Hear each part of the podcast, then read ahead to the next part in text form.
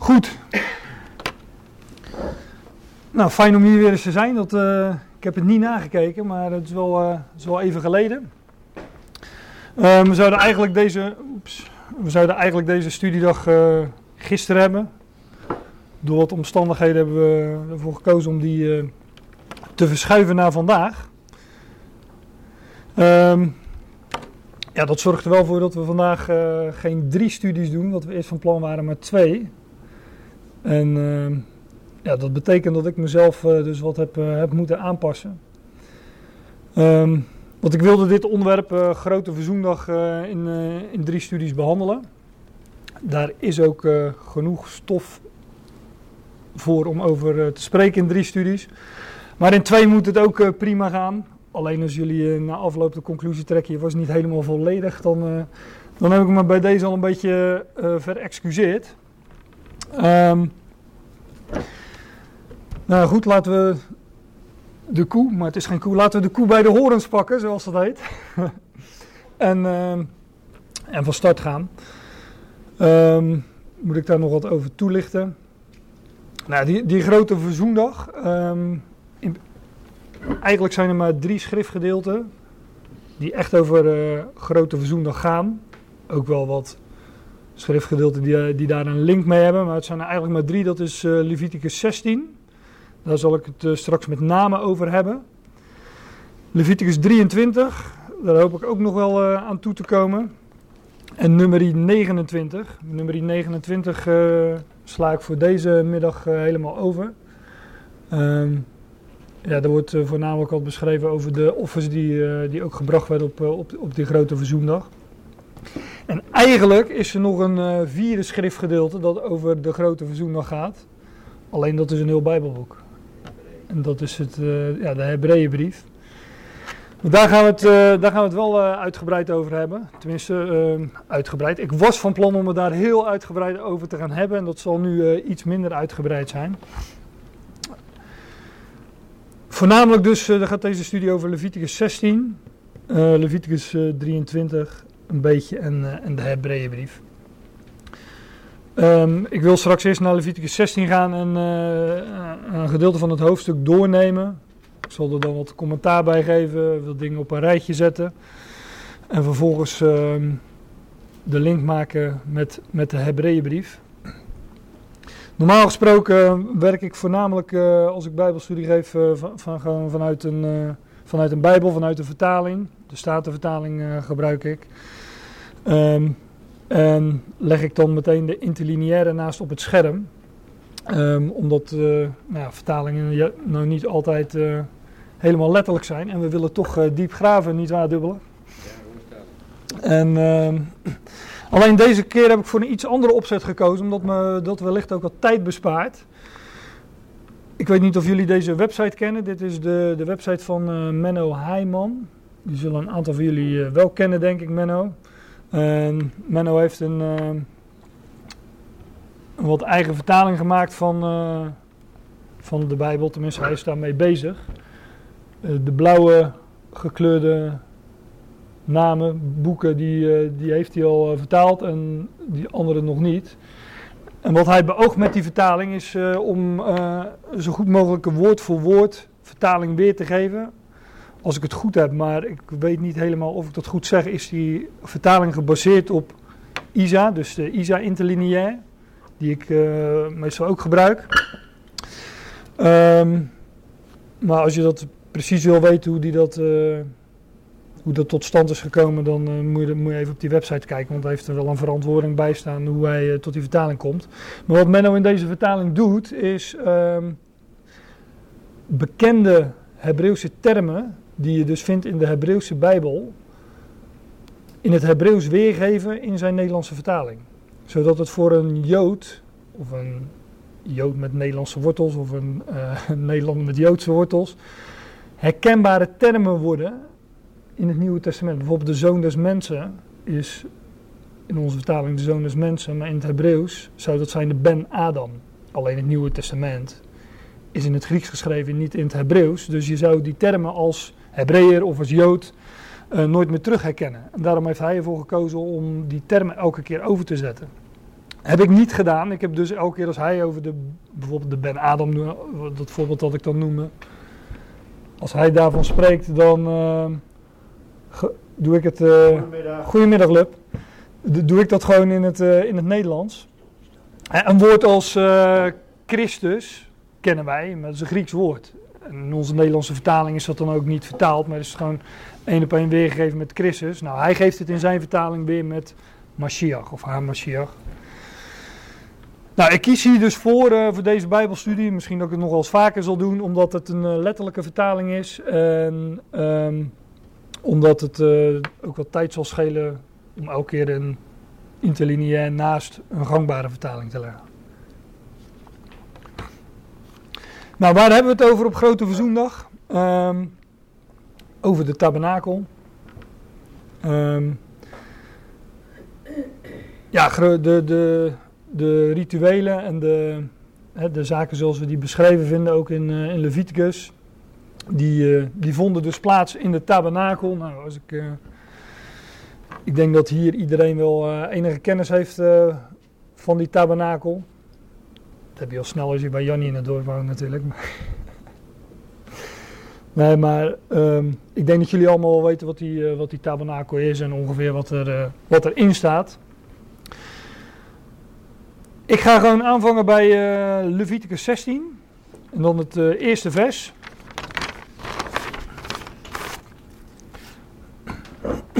daar, uh, daar staat, en Yahweh, de Heere.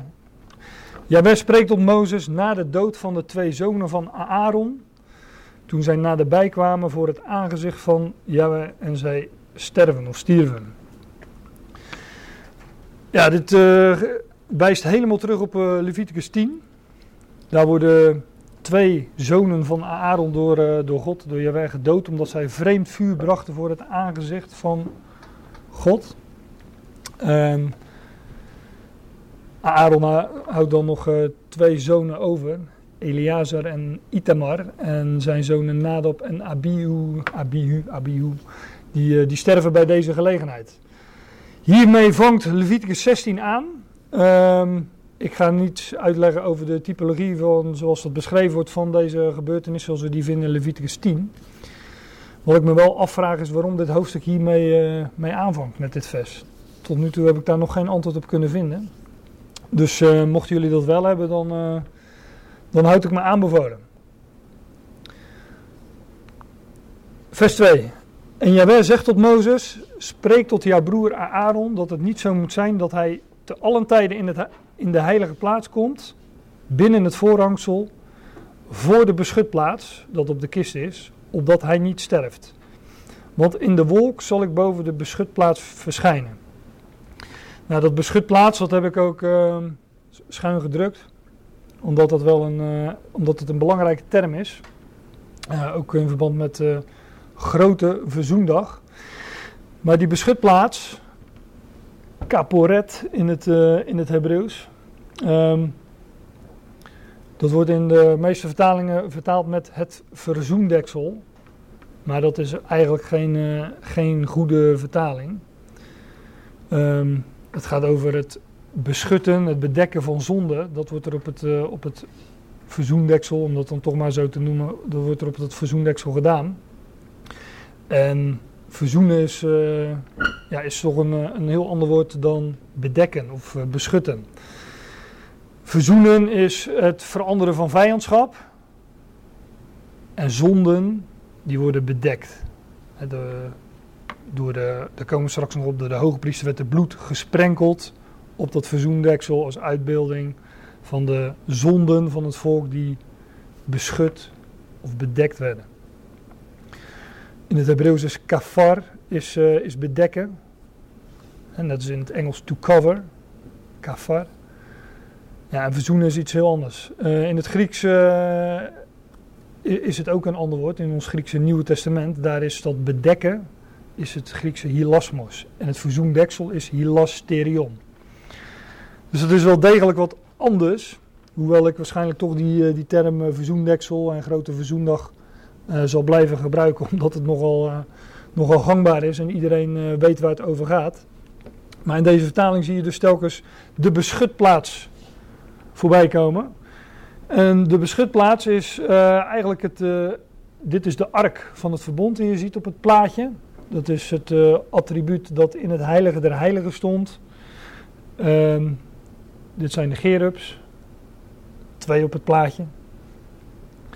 Um, en dit, dit deksel, deze gouden plaat, is het verzoendeksel. Het was een deksel van, uh, van puur, puur goud. Nou, daar komen we nogal op, want dat heeft een, uh, een grote betekenis. Ook in, uh, in de Hebreeënbrief komt dat verzoendeksel weer terug. Het is een uitbeelding, laat ik dat dan alvast zeggen, van de troon van God. In de Hebreeënbrief wordt het de troon der genade genoemd, de troon van de genade. Het is de troon waarop Christus is gaan zitten na zijn opstanding in de hemel. En die gerubs, die beelden dan ook uh, zijn heerlijkheid uit. Overigens staat dat letterlijk in, in Hebreeën 9, ik denk vers 3 of 4. Want daar worden ze genoemd de gerubs der heerlijkheid. um, ja, God spreekt hier tot Mozes en zegt uh, dat Mozes moet zeggen tegen Aaron dat hij niet ten alle tijden in die heilige plaats komt, uh, of mag komen, in dat heilige der heiligen. Uh, want dat is de plaats binnen het voorhangsel. Um, daar mocht hij, in, in principe mocht daar helemaal niemand komen. Zelfs Aaron mocht daar niet komen op één uitzondering na. En dat was die ene dag in het jaar. En dat is de grote verzoendag.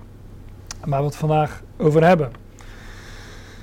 Nou, ik lees gewoon uh, even verder in uh, Leviticus 16. Daar staat: Op deze wijze zal Aaron in de heilige plaats komen. Dus eerst wordt er dus uh, gezegd in het vorige vers dat hij daar ja, eigenlijk niet mag komen. Maar als hij dan komt, hè, op die ene dag waar dit hoofdstuk over gaat, dan moet dat ook nog eens op een voorgeschreven wijze. En dan worden, er wordt daar een, in Leviticus 16 een, een opsomming gegeven van de, eigenlijk van de eisen waaraan die hoge priester moest voldoen. En al die zaken, al die handelingen die uitgevoerd moesten worden op deze dag, die wijzen ons vooruit. Of, of ja, misschien moet ik zeggen naar boven. Naar de hoge priester met een hoofdletter, onze, onze Heer Jezus Christus. En dat zullen we dan ook, uh, ook wel zien, want dat ligt er al heel erg uh, dik bovenop. Op deze wijze zal Aaron, Aaron was de hoge priester van, uh, van dat moment. Op deze wijze zal Aaron in de heilige plaats komen met een jonge stier, een zoon van het grootvee, als zondeoffer en een ram als opstijgoffer.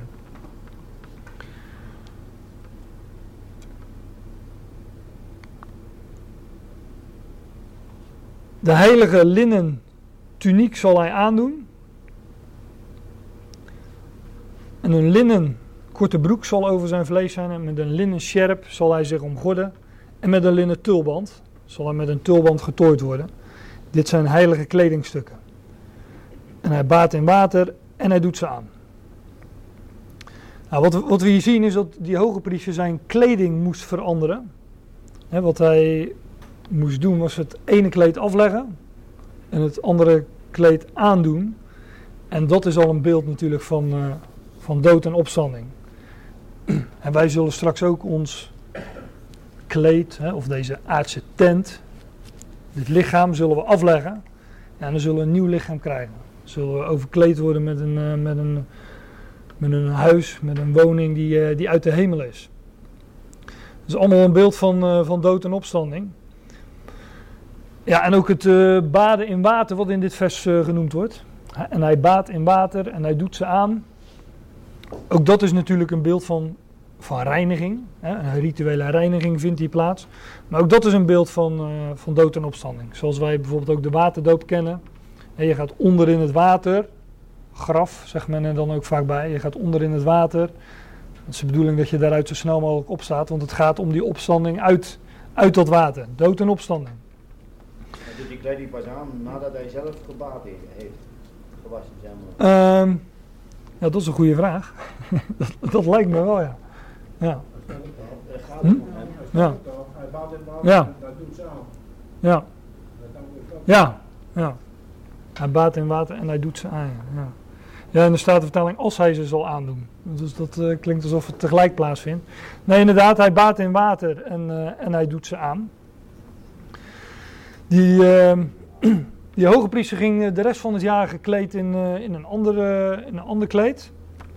Dat ziet u op het, eh, op het linkerplaatje. Dat kleed heeft overigens een, een naam, dat heet de efod. Ook daar is heel veel over te vertellen. Ehm, maar dat voor deze ene speciale gelegenheid werd dit kleed dus uitgetrokken en ging de priester gekleed in, in wit linnen. En wit, iedereen weet dat wit spreekt van reinheid. Hè? Het, is, eh, het is een uitbeelding van reinheid, smetteloos wit. Maar wit, ik weet niet of je dat weet, ik, eh, ik reed hier zojuist heen en eh, toen zon- en regenbuien wisselden zich af.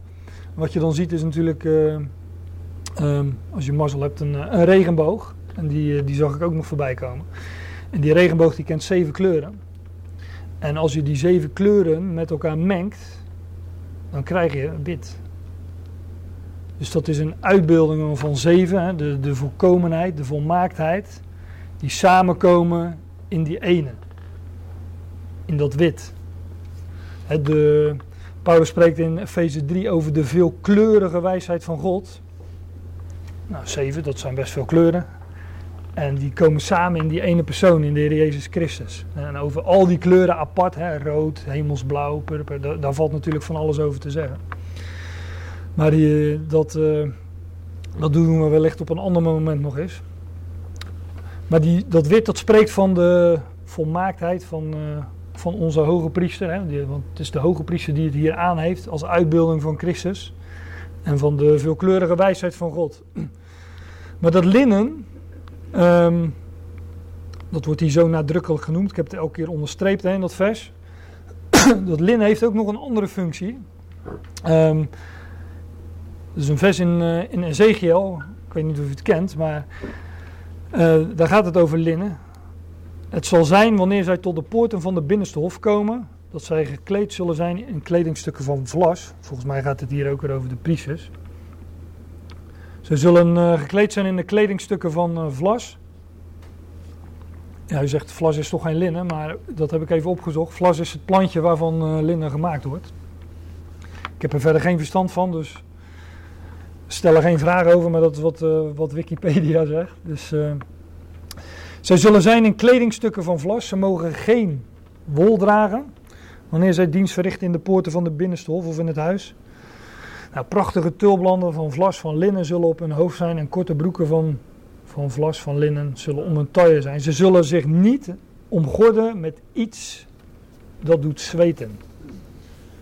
Dus die priester, die, die hoge priester die daar... eh, deze, deze dan, die, die daar dienst doet in dat heiligdom, in dat heilige der heiligen.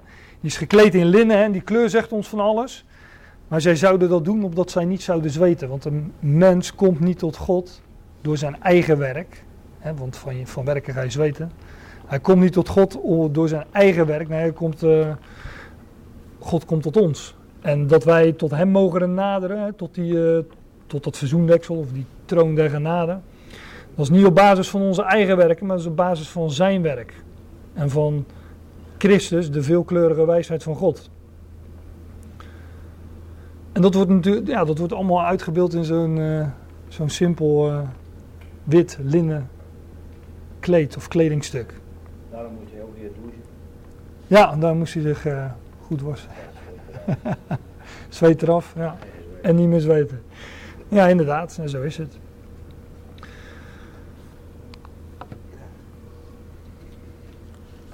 Ik ga verder in eh, vers 5 van Leviticus 16 zijn we aangekomen. Eh, van de vergadering van de zonen van Israël zal hij twee harige geiten als zondeoffer nemen en één ram als opstijgoffer. Er worden hier een, eh, een aantal offers eh, genoemd in het hoofdstuk. Met verschillende dieren ook.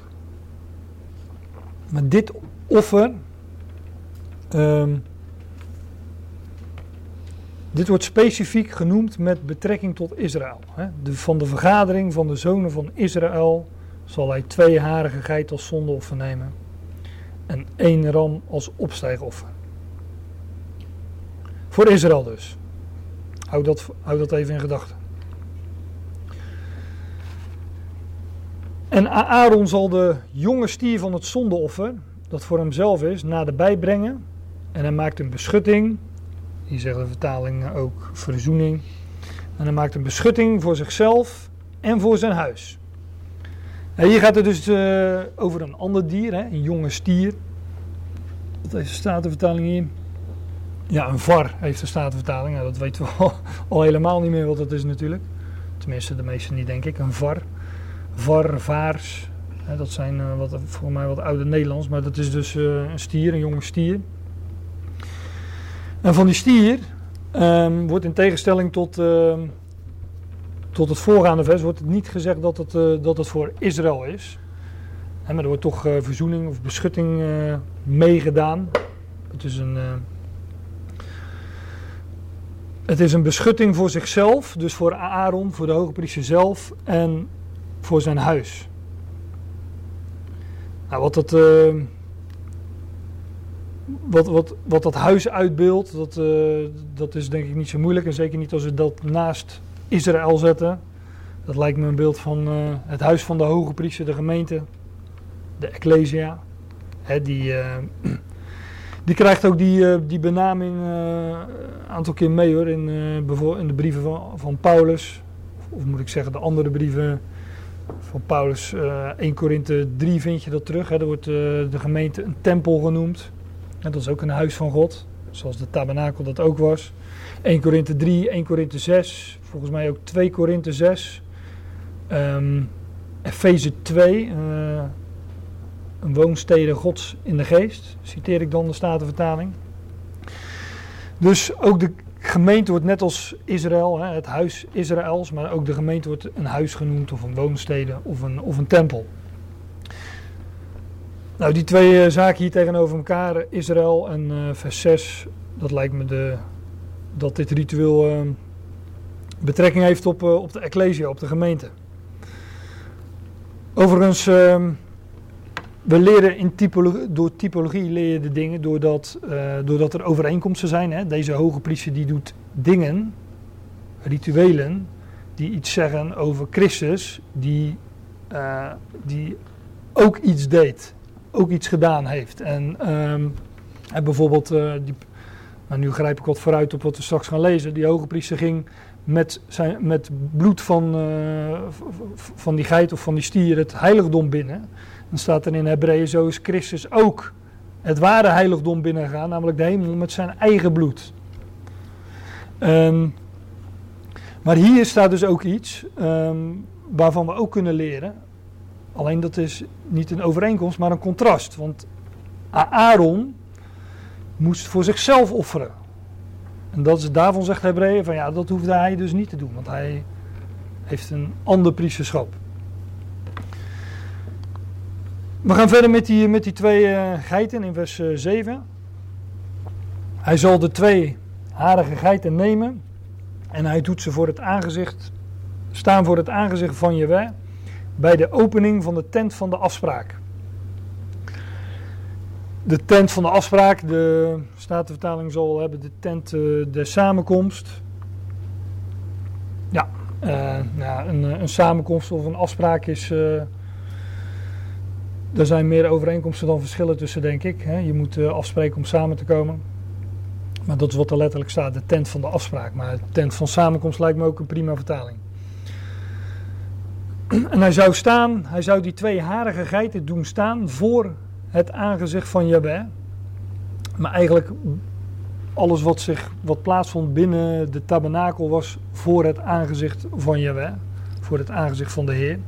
En daarom staat er hier nog uh, bij, bij de opening van de tent. Dus bij de, bij de deur.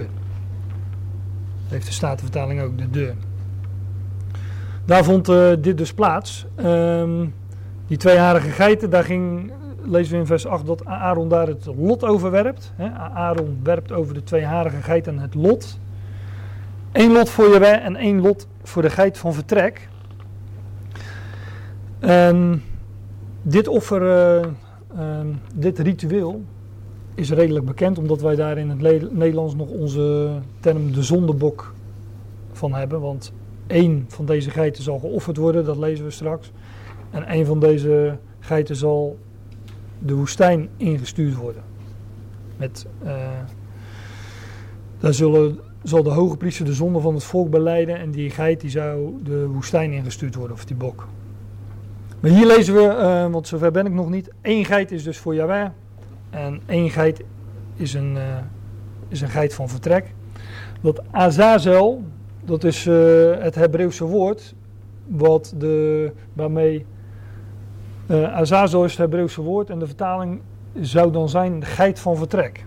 Nou, ik kom daar eh, helemaal aan het einde nogal op terug. Overigens wat je op het plaatje ziet is dat ehm, ja, er werd een lot geworpen. Dus je zou dan zeggen van ja, ze moeten op de een of andere manier eh, aanduiden wie wie is. Bij een, bij een geboorte van een tweeling doen ze geloof ik ook een, eh, een om de pols of, of een armbandje of zo. En bij die geiten binden ze er blijkbaar ook een koordje om. Volgens mij is dit meer eh, uit de overlevering en, eh, en de tradities dan, want ik heb het in de, in de schrift niet teruggevonden. Maar ze zullen best eh, op de een of andere manier die boeken geduid hebben van dit is de ene en dit is de andere. Of ze hebben die eerste gelijk om zeep geholpen. Dat kan ook natuurlijk. Dan weet je ook welke het is. Maar één geit is voor, eh, of één bok is voor Yahweh en één voor Azazel. Dat Azazel, nogmaals, daar kom ik op terug. Want dat speelt ook nogal een eh, belangrijke rol in het hoofdstuk. De weggaande geit, de weggaande bok. Vers 9. Aaron zal de harige geit naderbij brengen waarop het lot voor Yahweh gevallen is. Dus niet die van Azazel, maar die andere. En hij maakt hem tot een zond, zondeoffer, zondoffer. Dit is dus een offer voor de Heer, voor Yahweh.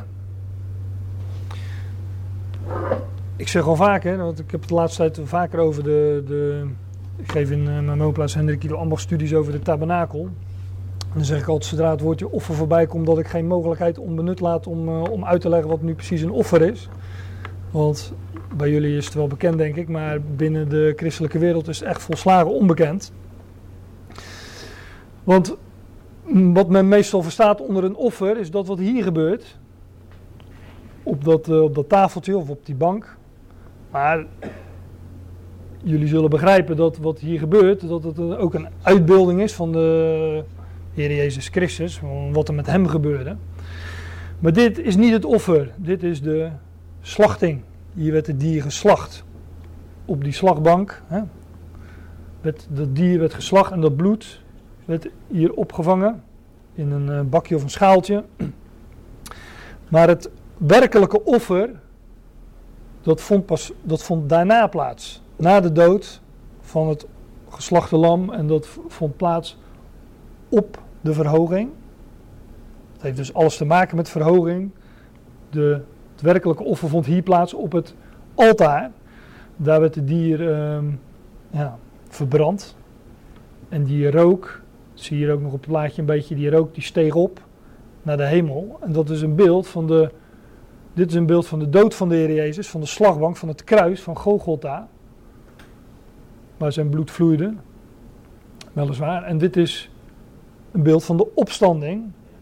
En zelfs ook van de hemelvaart van de Heer Jezus Christus. Een altaar is dan ook een verhoging. En dit is het brandofferaltaar en die was drie, drie hoog. Dus verhoging op de derde. Drie L hoog, maar drie hoog. Dus daar vond dood en verhoging op de derde, namelijk opstanding plaats. En dat, eh, nou, dat vind je mooi geïllustreerd op, op dit plaatje.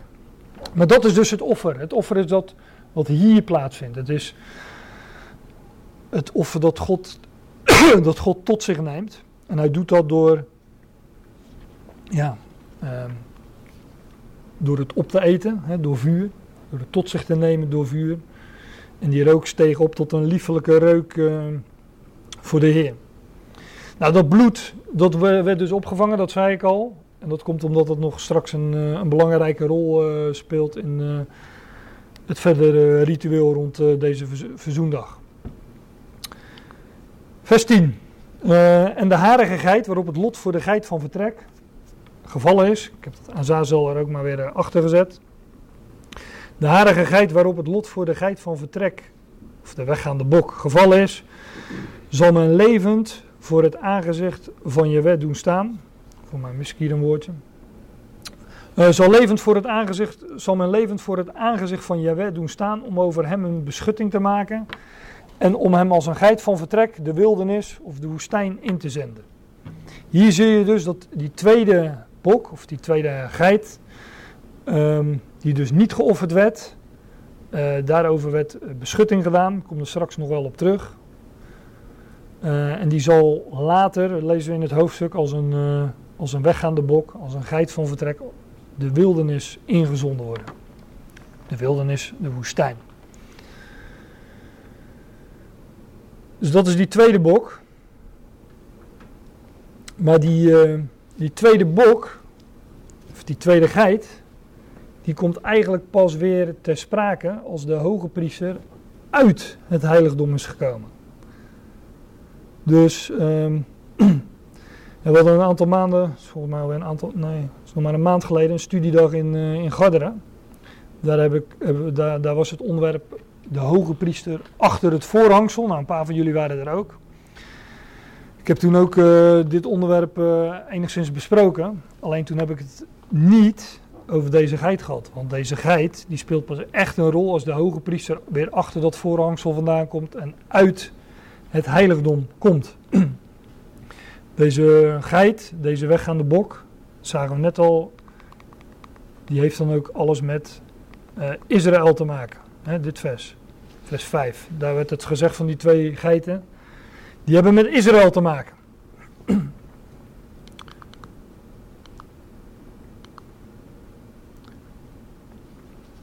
Ja, die wordt de woestijn ingezonden.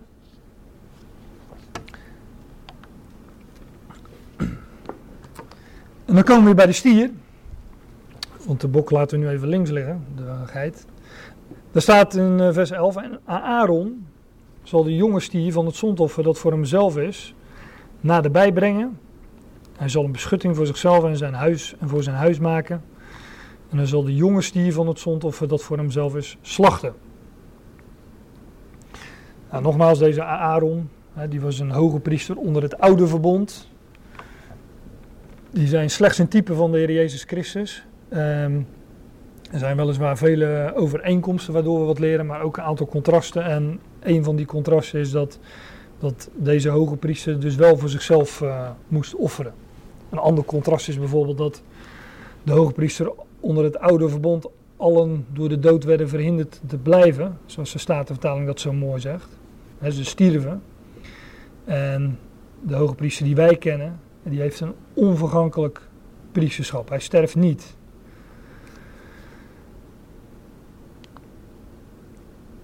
Even eh, recapituleren van wat we nu gelezen hebben en dingen op een rijtje zetten. Want voordat de hoge priester het heiligdom binnenging, ik kan me voorstellen als je dit allemaal voor het eerst eh, leest, dat het, eh, ja, dat het nogal wat is. En het is, het is natuurlijk, zijn geen dingen die wij eh, in, ons, eh, in de dagelijkse praktijk van ons leven of ook van ons geloofsleven eh, tegenkomen. Ehm, dus het is goed om dingen, om dingen even op een rijtje te zetten. Voordat de hoge priester het heiligdom binnenging, deed hij dus een aantal dingen die we zojuist gelezen hebben. Ik zet ze nu even op een rijtje. Hij waste zich in water of baden in water.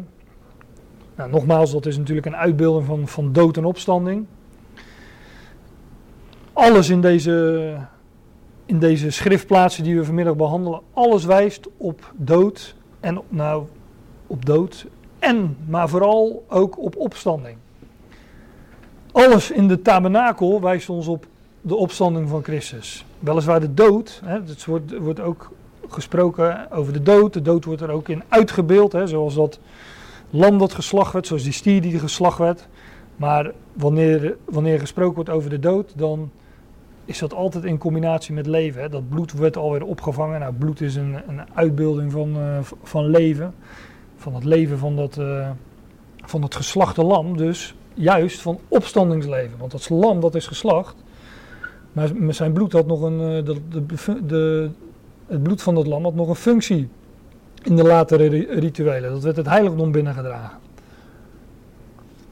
We lezen ook dat alles in de tabernakel, uh, toen de tabernakel gebouwd werd, tot Mozes werd gebracht en werd ook gereinigd door bloed. Alles werd, alles werd besprenkeld met bloed. Nou, dat wijst allemaal op de dood en opstanding van, uh, van de Heer Jezus Christus. Maar dat baden en wassen in water, nou, dat, dat, lijkt me niet zo, zo moeilijk. Hè. We vinden dat uh, in de doop, we vinden dat in uh, geschiedenissen zoals uh, Naaman, die zich moest reinigen. zich volgens mij zeven keer moest onderdompelen in de Jordaan. Waar hij het in eerste instantie niet mee eens was, maar toch maar deed. Um, de blindgeborene die, zijn, die, zich, die zijn ogen moest afwassen. Of wat dacht u van Johannes 13, de voetwassing, waar de voeten van de discipelen gewassen werden? In dit verband wel een hele uh, mooie en tot de verbeelding sprekende schriftplaats, omdat, omdat het over dezelfde zaken gaat als waar we het hier over hebben. He, in de opperzaal, in een hoog vertrek, wassen de Heer de voeten van, uh, van de discipelen, gekleed in een linnendoek. Nou, dat is dan gelijk de volgende. Hè. Linnen kleding moest, uh, moest die hoge priester aantrekken. Nou, we hebben gezien waar dat de uitbeelding is, hè, van is. Ook van leven, van opstanding.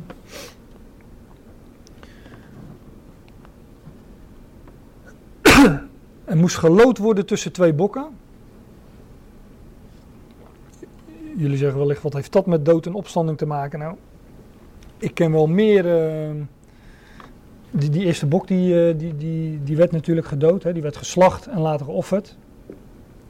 Zijn allemaal wel mannelijk, hè? Altijd. Sorry? De die zijn allemaal wel mannelijk Ja. altijd en de stieren. Ja. Ja. Maar ook, uh, we vinden bijvoorbeeld in de schrift een, uh, uh, een beschrijving van een ritueel met twee vogels, waarvan de een gedood werd en de ander vrijgelaten. Dat spreekt ook van dood en opstanding. Waar ik zelf altijd aan moet denken als ik uh, dat verhaal van die twee bokken lees, is de geschiedenis van, van de Heer Jezus bij zijn kruisiging. Laat, laten we dat maar even opzoeken. Ik heb er geen diatje van, maar Matthäus uh, 27 is dat, meen ik.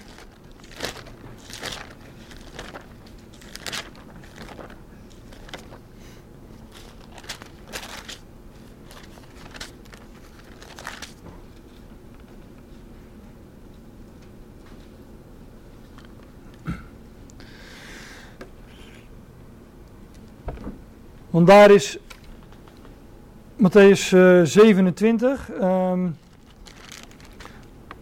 de geschiedenis van uh, de loslating van uh, Bar Abbas. Vers, vers 15, hè, de, daar staat op het feest was de stadhouder gewoon, had hij de gewoonte om aan het volk een gevangene los te laten, welke zij wilden.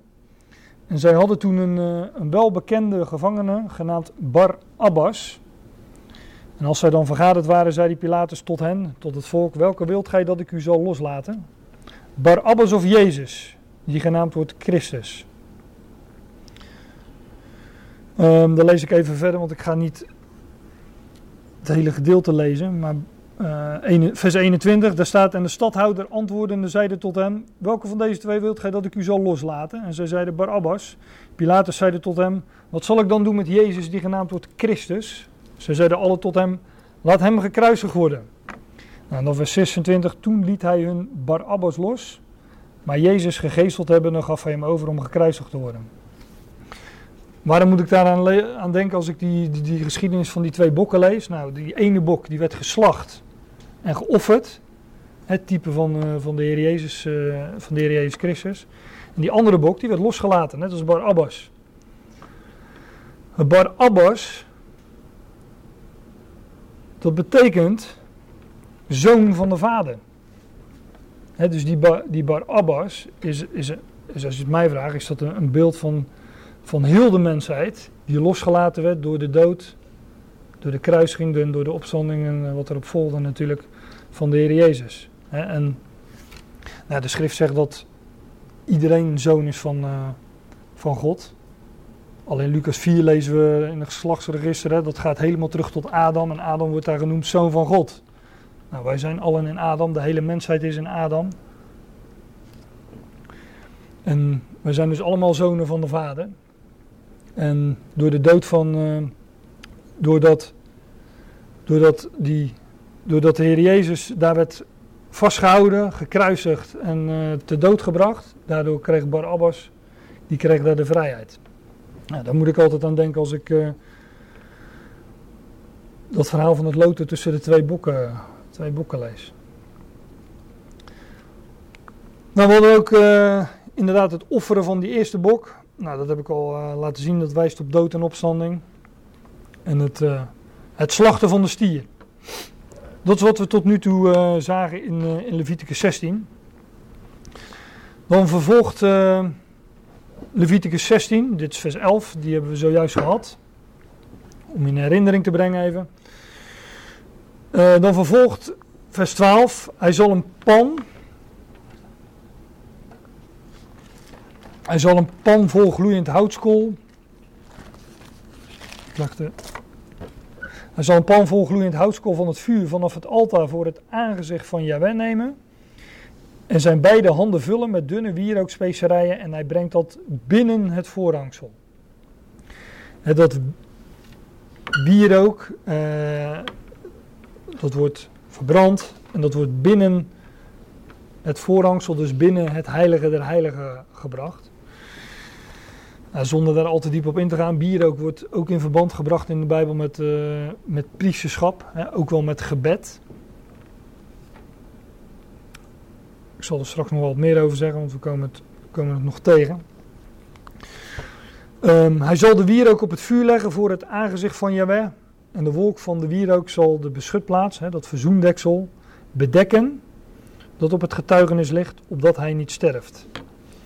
Ja, het getuigenis is, uh, of de ark van de getuigenis, zo wordt die ark wel genoemd. Ook wel de ark van het verbond, maar ook de ark van het getuigenis. En dat komt omdat in die ark die twee stenen tafelen lagen. Dus, en dat is het woord van God, dat is het of de getuigenis. Maar die hoge priester moet hier uh, op het vuur leggen voor het aangezicht van Jehovah. Dus ja, voor, dat, voor die ark van het verbond, voor dat verzoendeksel. En die wolk van de wierook zal de beschutplaats, de, het verzoendeksel, bedekken. Kijk, sowieso um, is het verbranden van een stof die in rook opgaat die dus een andere verschijningsvorm krijgt, een vaste stof die een vluchtige stof wordt. Ook dat is alweer een beeld van, uh, van opstanding, van, van dood en opstanding. Kijk, ik zei zojuist al dat een mens niet nadert tot God op grond van, uh, van zijn eigen werken. En dat, uh, dat, dat vinden we hier ook weer in terug. Die wierook spreekt ook van, van, van, van het gebed. We vinden dat in combinatie met gebed in de schrift. Nou, in Romeinen 8 lees je dat Christus aan Gods rechterhand is om altijd voor ons te bidden. want als het om onze gebeden gaat, maar dat is ook Romeinen 8, wij weten helemaal niet wat wij bidden, wat wij bidden moeten. hij weet het wel, hij weet wat we nodig hebben en hij is aan Gods rechterhand om voor ons te bidden. Hebreeën zegt ook iets dergelijks. Hij, um, hij, heeft een, hij heeft een onvergankelijk priesterschap, zodat hij altijd leeft om voor ons te bidden. Ja, dat wordt uitgebeeld in, uh, hier met die priester met, uh, met, met, met de wierook voor de ark uh, van de getuigenis. Vervolgens, hij zal van het bloed van de jonge stier nemen en hij spat, hij sprenkelt dat met zijn vinger op het gezicht, op het aangezicht van de beschutplaats, oostwaarts en voor de beschutplaats zal hij zeven keer van het bloed met zijn vinger spatten. Sprenkelen. Hoe staat het in de Statenvertaling? Ja, sprengen. Zijn dus verschillende woorden voor, maar het komt allemaal op hetzelfde neer. Het, uh, het spatten, sprenkelen van bloed. het is dus het bloed van het geslachte offerdier dat in het heiligdom wordt gesprenkeld.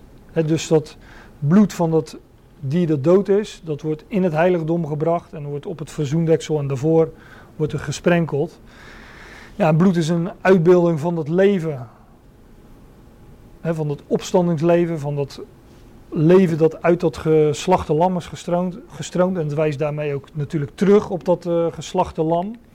Het is dus een beeld van opstandingsleven, of moet ik zeggen van het leven van het lam. Dat staat als geslacht. Dat de openbaring 5 valt dat natuurlijk uh, geweldig samen. Nou, Hebreeën legt uit dat dit sprenkelen van de bloed, dat, dat, dat, bloed wat die hoge priester hier meeneemt in het heiligdom, dat dat een uitbeelding is van Christus, die door zijn eigen bloed de hemel is binnengegaan. Dat ware heiligdom, waar dat aardse heiligdom, die tabernakel en dat heilige der heiligen, een beeld van zijn. Nou, dit gaat over de stier. In het volgende vers lezen we ongeveer hetzelfde van, uh, de bok of de geit. hij slacht de harige geit van het zondoffer dat voor het volk bestemd is. Voor Israël dus. En hij brengt zijn bloed tot binnen het voorhangsel. En hij zal met zijn bloed doen zoals hij met het bloed van de jonge stier gedaan heeft. Hij zal het op de beschutplaats en voor de beschutplaats spatten. Precies hetzelfde ritueel als in het voorgaande vers. Maar deze keer is het uh, het bloed van de stier. En uh, in het vorige vers het bloed van de van de geit of van de bok. Eén dus voor, nadrukkelijk voor Israël en de andere dus uh, voor de Ecclesia, voor de gemeente. en hij maakt een beschutting, bedekking, verzoening zal er wel staan in de vertaling. Hij maakt een beschutting over de heilige plaats vanwege de onreinheden van de zonen van Israël en vanwege hun overtredingen voor al hun zonden. En zo zal hij doen met de tent van de afspraak, tent van de samenkomst, die bij hen verblijft te midden van hun onreinheden. Tot zover de beschrijving in Leviticus 16 van de, eh, van de zaken, de dingen die de hoge priester deed tijdens dat ritueel op Grote Verzoendag. En uh, we hebben dus, ik heb even samengevat wat hij deed, die hoge priester, voordat hij het heiligdom binnenging. En nu vat ik dus even samen wat hij uh, deed in het heiligdom. de hoge priester ging eenmaal per jaar dat heiligdom binnen op die grote verzoendag. En hij deed dat met het bloed van een stier.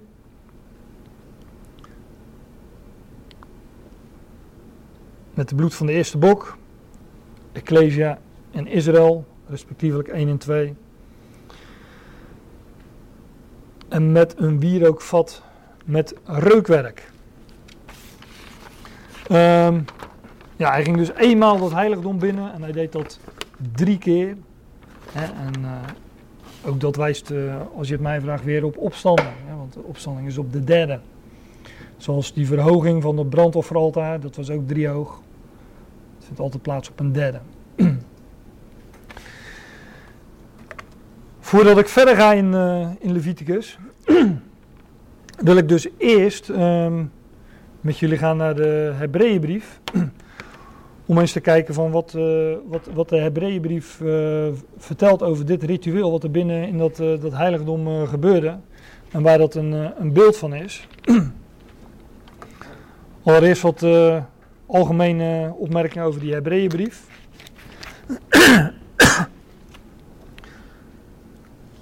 Ik had daar flink wat meer schriftplaatsen voor voorbereid. Maar ja, we moesten de, de studiedag werd meer een studiemiddag, dus uh, drie studies werden twee. Nou, daar hebben we het al over gehad. dus ik, uh, ik, moet wel, ik heb er een paar uit moeten knippen. Maar de Hebreeënbrief is een, uh, een wat aparte brief. Ik heb ook het idee dat veel mensen er heel veel niet van begrijpen en hem daardoor, daarom ook vaak overslaan. Er zijn ook gelovigen die zeggen van nou, die brief is geschreven aan Hebreeën, dus daar hebben wij sowieso niks, niets mee te maken. Daar denk ik dus anders over. Want de Hebreeënbrief gaat wel degelijk over de hemelse positie van, uh, van Christus. En dat is, dat is dan ook een positie waar wij in delen. Uh, ik geloof dat Hebreeën door Paulus is geschreven, maar uh, ja, mocht je dat niet geloven, even goede vrienden. En dan zeg ik, ehm, Paulus wijst ons op onze hemelse positie in, in zijn brieven, in ieder geval met name in zijn gevangenisbrieven. Maar daar gaat ook Hebreeën over, over de hemelse positie van Christus. Weliswaar worden die Hebreeën, die worden toch wel uh, aangeschreven als uh, Hebreeën die de toekomende aion, de toekomende eeuw verwachten. Op die manier worden ze aangeschreven.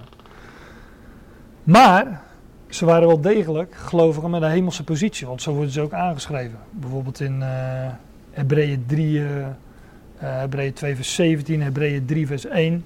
Daar worden ze, daar worden ze gewezen op hun, uh, op hun hemelse positie. Die Hebreeën waren dus, was, hebben een verwachting niet als een Israël naar het vlees, met een aardse verwachting, maar worden wel degelijk gewezen uh, als dat ze, op, het feit dat zij gelovigen zijn met een hemelse roeping. Zo staat het in Hebreeën. Maar die Hebreeën, we hebben zojuist gelezen in Leviticus 16, dat die hoge priester die rituelen deed in dat heiligdom, in die tabernakel. Die Hebreeën worden erop gewezen dat hun hoge priester op dat moment van schrijven zich in dat heiligdom bevindt.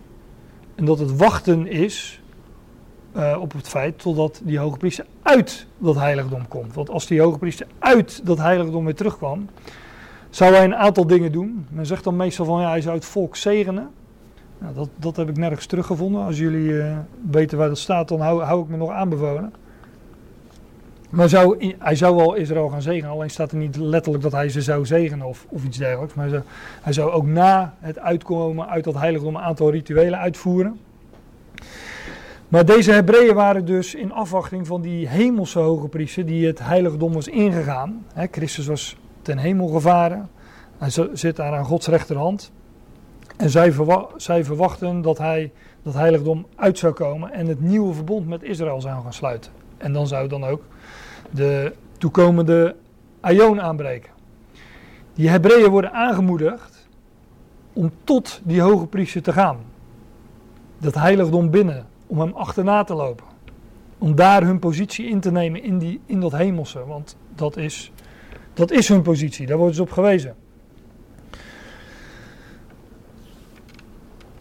Maar die situatie van die, Hebre de situatie, uh, van die hoge priester in het heiligdom is sinds die tijd niet gewijzigd. Hè? Onze hoge priester is nog steeds in dat heiligdom. En die Hebreeën hadden dus net, net als ons uh, een, een, hemelse positie. Het verschil met andere brieven van Paulus, laat ik het dan even zo zeggen, want ik geloof dat Hebreeën door Paulus is geschreven, maar het verschil met andere brieven van Paulus is dat Paulus in bijvoorbeeld in Efeze en Colossense um, gelovigen aanschrijft als leden van het lichaam, als hoofd en lichaam.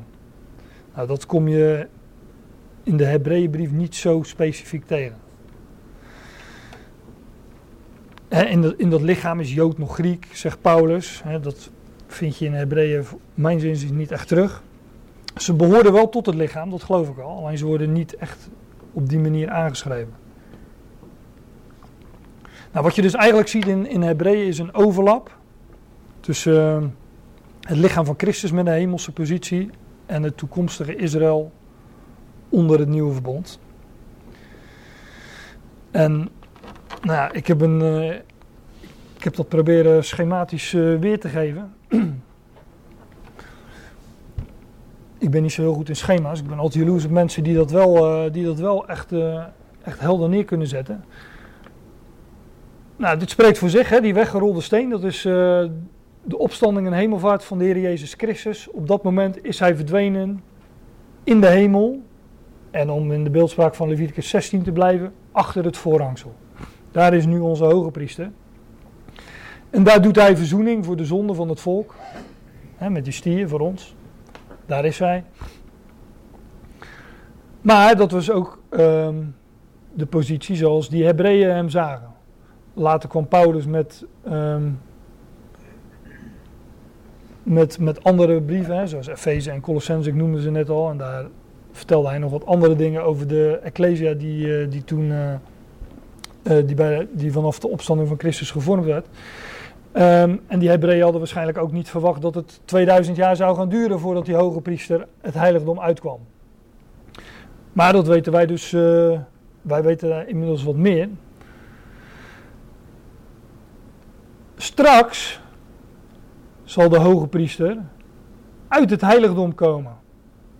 Uit de hemel zal hij verschijnen.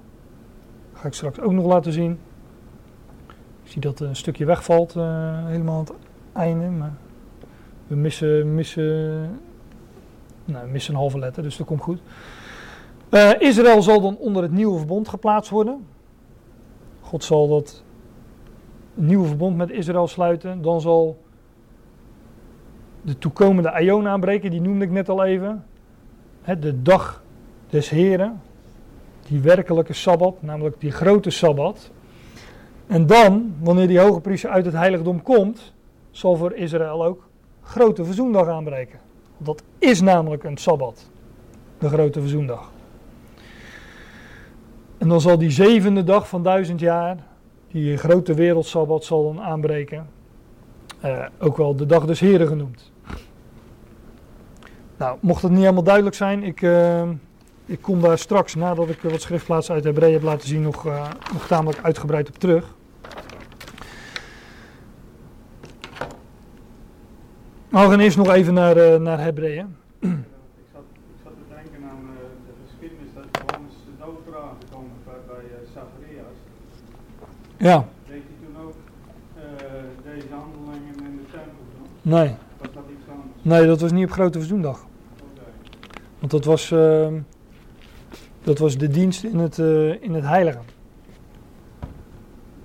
En, Ja, omdat op een gegeven moment de hele volk staat te wachten dat hij naar buiten Ja. komt. ja, ze stonden daar wel. Te. Ze stonden daar, daar stonden ze dus wel te wachten tot hij naar buiten kwam om de zegen uit te spreken. Ja, ja. Maar dat is niet dit, uh, uh, dit ritueel van de Grote Verzoendag. Staat er volgens mij ook bij hoor. Misschien kan ik het heel snel uh, vinden. Want het... Ik. Ja, ik kon niks zeggen, ja. Hij zweeg.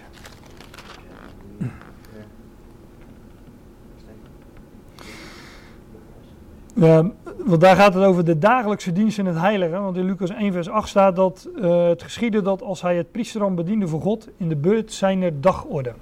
Dus daar gaat het over de dienst in het heilige. En die was elke dag. En slechts één dag kwam, die, kwam de hoge priester op grote verzoendag dus in dat heilige der heiligen. Dus in dat andere vertrek. En dan stopte ook alle dienst in het heilige. Ook dat heeft natuurlijk uh, typologische betekenis. Want dat heilige is een beeld, uitbeelding van de dienst onder de wet. Het moest altijd maar doorgaan en uh, moest... Uh, uh, moest van alles gebeuren en dat was, dat was doorlopend. En hè, zoals die priesters in, in dagorde. En op het moment dat die hoge priester eenmaal per jaar dat heiligdom binnenging, dat heilige der heilige op grote verzoendag, moest al dat werk gestaakt worden. Ook weer een uitbeelding dat als die grote verzoendag aanbreekt, hè, voor, straks voor Israël, dan zal ook al het werk gestaakt worden. Want dat is ook wat Sabbat betekent. Hè. Dat betekent uh, niet per se rusten, dat betekent ophouden, stoppen. Dan wordt al het werk gestopt. God stopt ook met werken op de, op de zevende dag en daarom heet het Sabbat. Lezen we in Genesis. Um, maar voor ons is die grote verzoendag al aangebroken. Wij leven daar al in, in die grote verzoendag, al 2000 jaar zelfs. Maar straks zal die ook voor Israël aanbreken. Nou, dan moet ik toch uh, naar Hebreeën. Hm? Ja, jij was er al, ja. ik nog niet. Ja, maar eens begin in, uh, in Hebreeën 1. Nogmaals, ik had heel het schriftplaats, ik heb er een paar uitgehaald. Maar hier wordt meteen de toon gezet van, uh, van de hele Hebreeënbrief. Er staat nadat de God lang geleden in veel delen en op veel manieren tot de Vader sprak in de profeten. Hele mond vol. Spreekt hij in deze laatste dagen tot ons in een of in de zoon.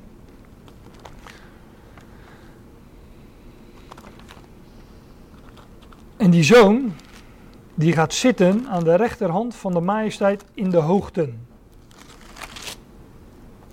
En dit is, uh, ja, dit is, dit is de positie waarover we het, waarover het al hadden hè, van Christus.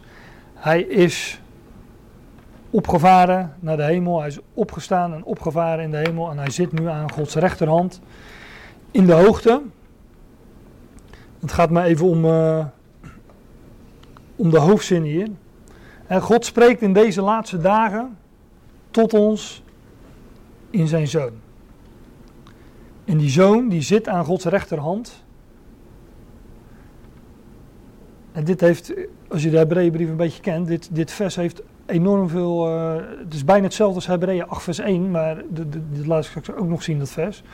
Waar de samenvatting, de hoofdsom van de hele brief wordt gegeven. Daar staat de hoofdsom nu van de dingen waarvan wij spreken. Is dat wij hebben zulke een hoge priester die is gezeten aan de rechterhand van de troon der majesteit in de hemel. En dat staat hier eigenlijk ook. Behalve dat hij hier nog zoon wordt genoemd en geen hoge priester. Maar hij wordt hier voorgesteld als de zoon. Meteen al hier in het begin. Die gaat zitten aan de rechterhand van de majesteit in de hoogte. En hij maakt een reiniging van zonden. Maar dat is nou precies wat de hoge priester doet. Dus ook al staat er niet hier dat, het hier, dat de zoon hier de hoge priester is.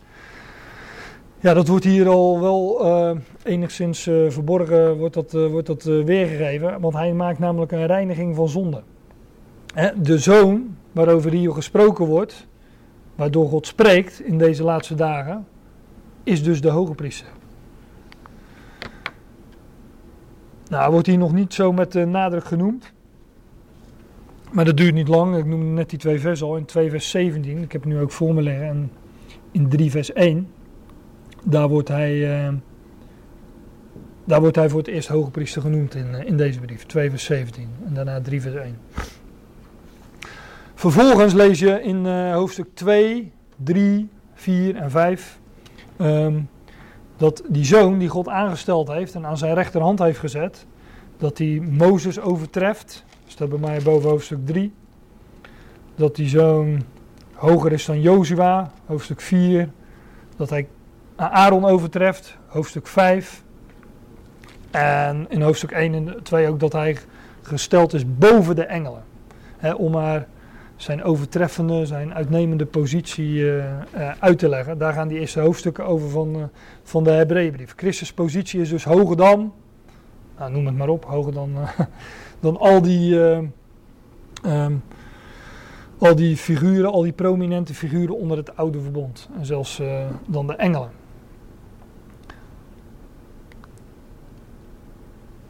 Nou, maar door, naar Hebreeën 4. Hè, daar wordt eh, gezegd, omdat wij dan een grote hoge priester hebben. Een mega hoge priester staat hier in, de, in het Grieks. Omdat wij dan een grote en mega hoge priester hebben, hebben, die de hemelen doorheen gekomen is. Jezus, de Zoon van God, laten wij aan die beleidenis vasthouden.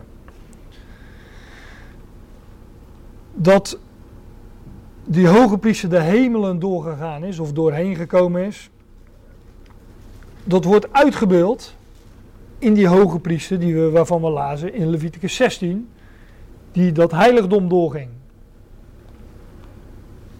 De, de, de heiligdommen, zoals we die vinden in de tabernakel, die twee vertrekken, die heiligdommen, dat, zijn, dat is een beeld van de hemelen. En Christus is de hemelen doorgegaan en wij hebben een hoge priester die de hemelen doorgegaan is, Jezus, de Zoon van God. Dan wordt er ook uitgelegd in eh, Hebreeën 4, want wij hebben niet een hoge priester die niet kan meevoelen met onze zwakheden. En wij hebben dus een hoge priester die wel kan meevoelen met onze zwakheden. Nou, dat wordt in hoofdstuk 2 bijvoorbeeld uitgelegd dat hij aan vlees en bloed deel heeft gekregen hè, om ons. eh, dat hij, eh, omdat wij van vlees en bloed zijn, heeft hij ook daaraan deel gekregen. En, omdat, en eh, is hij zelfs eh, de dood ingegaan. en dan staat er hier ook: wij hebben niet een hoge priester die niet kan meevoelen met onze zwakheden, maar een die in alle dingen op gelijkende wijze als wij is beproefd, maar zonder te zondigen. Ja, even terug, eh, terugblik naar Hebreeën 2, vers 17. Hè. Daar staat, vandaar dat hij verschuldigd was, overeenkomstig alle dingen aan de broeders gelijk gemaakt worden, opdat hij een ontfermende, een barmhartig en trouw hoge priester zou worden in de dingen die tot, tot de God zijn, om een beschutting te maken voor de zonde van het volk. Want waarin hij zelf beproefd wordende geleden heeft, kan hij degene die beproefd worden helpen. Hebreeën schildert ons, de Heer Jezus Christus, als een mens. Als een mens die de gelijke weg is gegaan als wij. eh, beproefd is geweest, verzocht is geweest, maar zonder te zondigen. En een mens die ook, die ook ja, die is gestorven. Dus Hebreeën schildert Jezus niet als een god of zo, hè, of als een godmens, die, uh, een soort supermens. Nee, als een, als een mens net als wij. Da, daar is ook de bemoediging in en de troost. Hè, daar, daar mogen wij, hè, dat is ook Hebreeën, wij mogen opzien naar de leidsman en voleinde van het geloof. En daar, die mogen wij volgen, daar mogen we een voorbeeld aan nemen. Ja, en als hij een of andere godmens zou zijn, dan zou dat voor ons sowieso een, uh, iets, iets zijn wat niet, niet te volgen is. Maar hij is mens geweest, net, net, net als wij. En Hebreeën schildert hem zo. Laten wij dan met vrijmoedigheid tot de troon van de genade komen. Vers 16, daar is hij, de troon van de genade. En die troon van de genade, in het Engels weten ze dat heel goed, want daar heet het verzoendeksel de mercy seat. Dus de genadezetel, de genadetroon. Nou, dat is een term die in Hebreeën terugkomt. De troon van de genade. Het is de, de troon van God. De troon waarop de Heer Jezus Christus is gezeten. Aan Gods rechterhand. En vanaf waar hij regeert in, eh, in genade. In deze huishouding van genade. Het is de troon van de hemel waar hij is gezeten. Waar we, wat we meteen al eh, in de avond van de brief lazen in, uh, in Hebreeën 1 vers 3. Daar is hij gezeten aan de rechterhand der majesteit in de hoogten. Laten wij dan met vrijmoedigheid tot de troon van de genade komen. Opdat wij ontferming in ontvangst nemen en genade vinden voor goed gelegen komende hulp. Ja, want op die troon der genade, daar, uh, ja, daar vinden we genade. In de persoon van, van Christus natuurlijk. Hebreeën 6. Opdat door twee onveranderlijke zaken, waarbij het onmogelijk is dat God liegen zou, wij die tot hem de toevlucht nemen, een sterke bemoediging zouden hebben om de hoop te vatten die voor ons ligt. Heb, uh, ja, die twee onveranderlijke zaken, als je de voorgaande versen leest, dat ga ik nu niet doen, maar uh, daar gaat het over, God heeft een belofte gedaan, hij heeft dat bevestigd met een eed. En dat ging al over de, uh, de belofte aan Abraham. God, Abraham wordt daar als, uh, als voorbeeld genomen. En Abraham wachtte geduldig af en hij ontving de belofte. En zo worden wij uh, opgeroepen om die hoop, hè, die verwachting, die belofte te, te vatten, te grijpen, die voor ons liggen.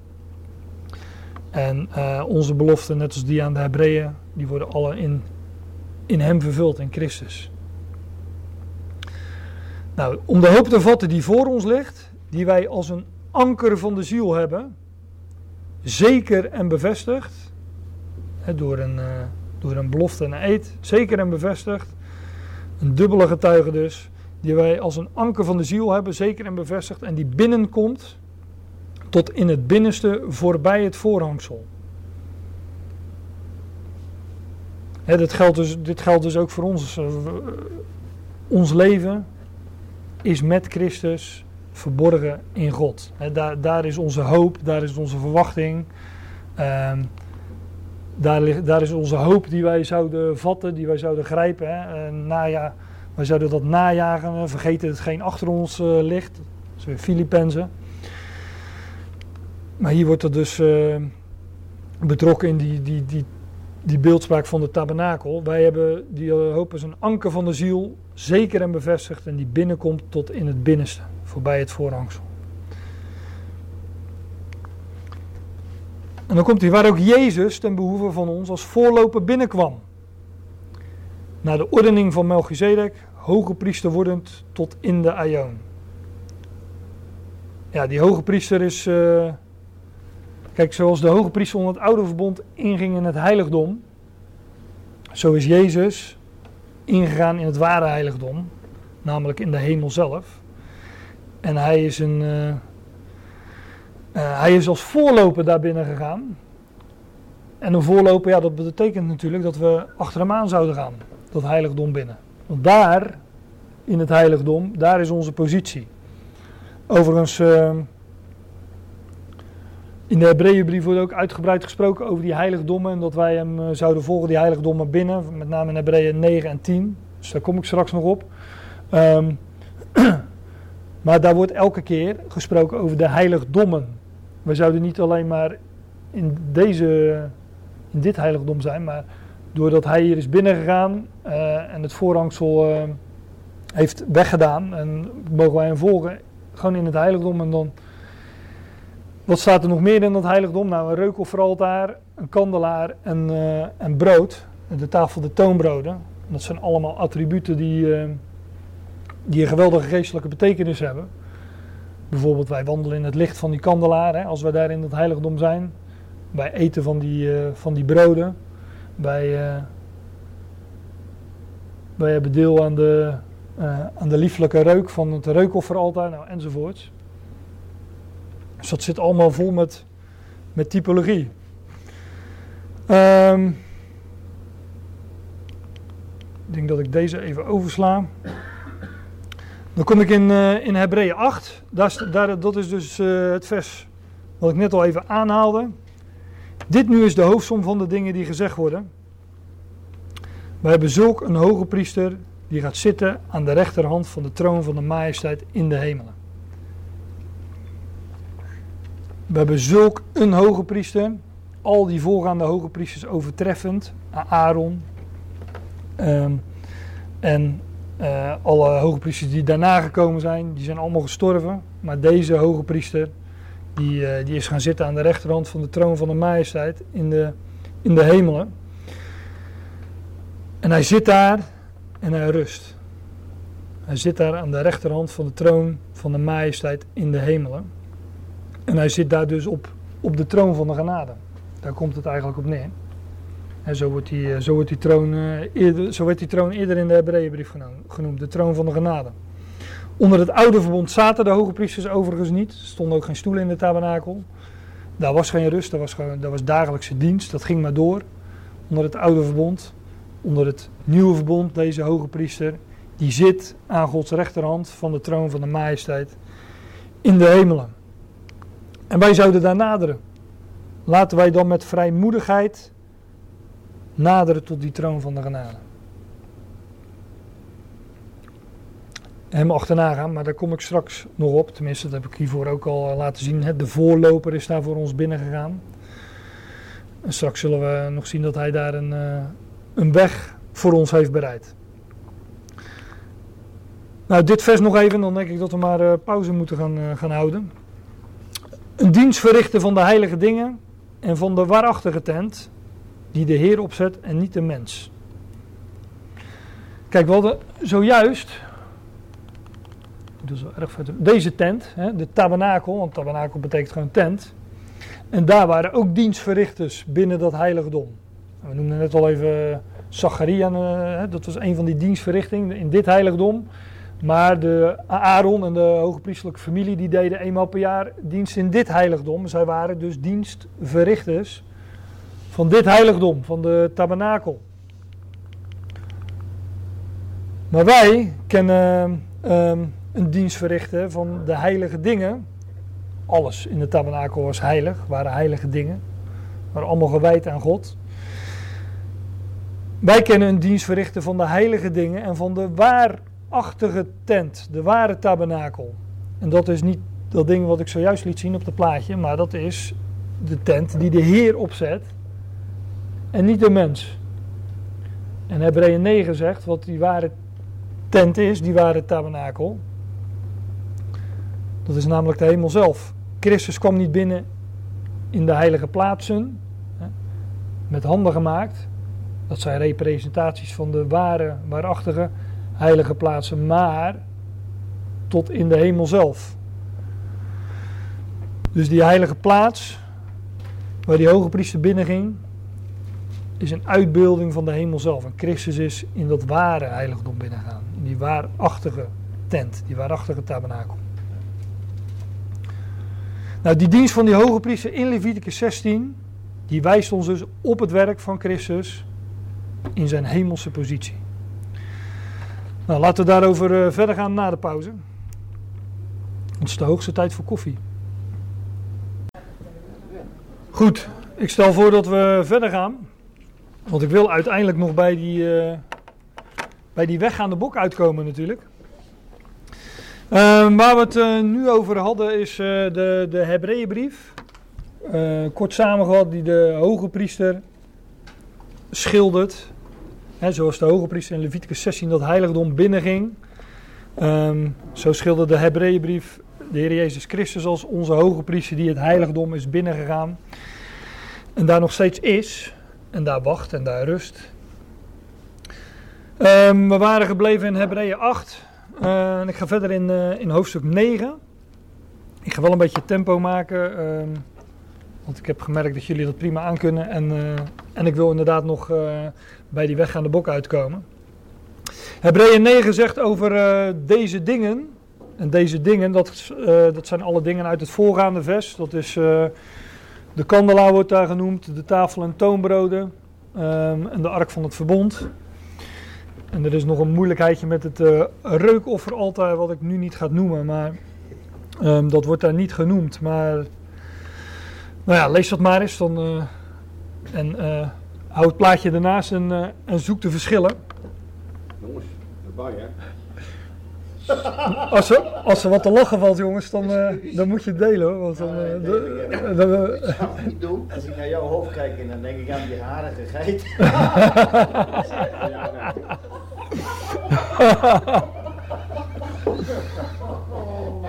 Nou, ik moet Dan ben nog ongatloos. Je bent ongatloos. Daar ben ik niet. Nee, Zullen wij voortaan hè? ja, goed. Nee, zeker niet. Maar eh, Nee, dat is dat is niet. ik kan nu even niet opstaan, maar ik geef hem er eh, aan de afloop wel van langs. En dan, eh, terecht.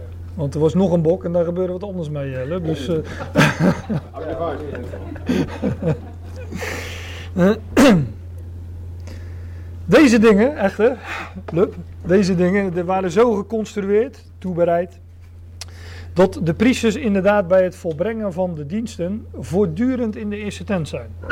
Nou, dat eh, gaf ik al even aan, eh naar aanleiding van de vraag van Gerrit over eh, Zacharias. Die deed dus dienst in Lucas 1 in, dat, in het heilige, dus dit vertrek. En daar werd dus voortdurend eh, dienst gedaan in, die, eh, in het eerste vertrek door de priesters. Maar dan komt de tegenstelling tot in de tweede, echter, in het tweede vertrek. Ja, dan moet ik even terug. In dat vertrek, dat was half zo groot als het eh, eerste vertrek. In het tweede echter, alleen de hoge priester, eenmaal in het jaar, niet zonder bloed, dus met bloed, dat hij aanbiedt, offert ten behoeve van zichzelf en voor de vergissingen van het volk. Voor des volks misdaden. Nou, hier hebben we het dus over. Hè? Eh, de, de grote verzoendag. Daar kwam de hoge priester eenmaal per jaar. Met bloed, hè? het bloed van die stier. Dat bloed van die bok. Wat hij daar sprenkelde voor die ark van het verbond. En dat deed hij ten behoeve van zichzelf. En ten behoeve van zijn volk. En eh, die mag u dubbel opvatten voor mij, zijn volk. Hè, dus zowel de Ecclesia als, eh, als Israël. Hiermee maakte de Heilige Geest duidelijk. Kijk, als je niet in typologie gelooft of dat dingen een eh, diepere geestelijke betekenis hebben, dan heb je hier wel een probleem natuurlijk. Hè? Want alles wat we hier, beschreven, wat we hier vinden in die tabernakel, en waar we het dus tot nu toe over gehad hadden, over gehad hebben, dat heeft dus blijkbaar een diepere beduiding, zo eh, zegt Paulus in Galaten. Maar hier zegt hij, hiermee maakte de Heilige Geest duidelijk dat de weg van de heilige plaatsen, kijk hier staat dus een, eh, een meervoud. In de Statenvertaling staat de weg des heiligdoms. En dat is gewoon enkelvoud, dus de weg van het heiligdom. Maar het is echt een meervoud. Eh, hiermee maakte de Heilige Geest duidelijk dat de weg van de heilige plaatsen, van de heiligdommen, nog niet openbaar gemaakt was, zolang de eerste tent nog een standplaats had. Ehm, het is wat lastig in dit hoofdstuk, Hebreeën 9. Ik heb het ook niet helemaal gelezen, omdat daar dat eerste en tweede, dat wordt nogal door elkaar gebru- gebruikt. Ehm, dit wordt zeg maar ook het eerste vertrek genoemd en dit het tweede. Maar ik geloof dat het hier, de eerste tent gaat, gewoon over de tabernakel als geheel. Het hele ding zeg maar, zoals in 9 vers 1, dus in het begin van het hoofdstuk wordt gezegd, eh, ook het eerste verbond had, inderdaad dan, rechtvaardigheidsdaden van de dienst, en bovendien een wereldlijke heilige plaats. Dus de, die wereldlijke heilige plaats, dat wereldlijk heiligdom, dat is de tabernakel en dat is in, eh, in dit vers, uh, mijn zinziens, de eerste tent. Die eerste tent is een parabel. Weet je wat het is? Een parabel, dat is een gelijkenis. Dit para, para betekent naast en ballo of bo, bollo, dat betekent zetten of leggen. iets wat je ernaast legt of ernaast zet als vergelijking, zeg maar. Dit woord uh, uh, parabel, is een Grieks woord, dat wordt in de evangelie uh, vrij consequent vertaald met gelijkenis. Als Heer Jezus spreekt in gelijkenissen, is dit woord. Wat is een parabel voor de tegenwoordige periode, dus die, ja, die tegenwoordige tijd. Volgens welke naderingsgeschenken en slachtoffers aangeboden worden die niet, wat het geweten betreft, degene die dienen tot volmaaktheid kunnen brengen. Kijk, hier wordt gezegd dat al die offers, al die rituelen, hè, naderingsgeschenken en slachtoffers, de, de offers, de geschenken waarmee genaderd werd tot God, hè, voor het aangezicht van God, en de offers, de slachtoffers die aangeboden werden, worden, die konden wat het geweten betreft, degene die dienen, niet tot volmaaktheid brengen.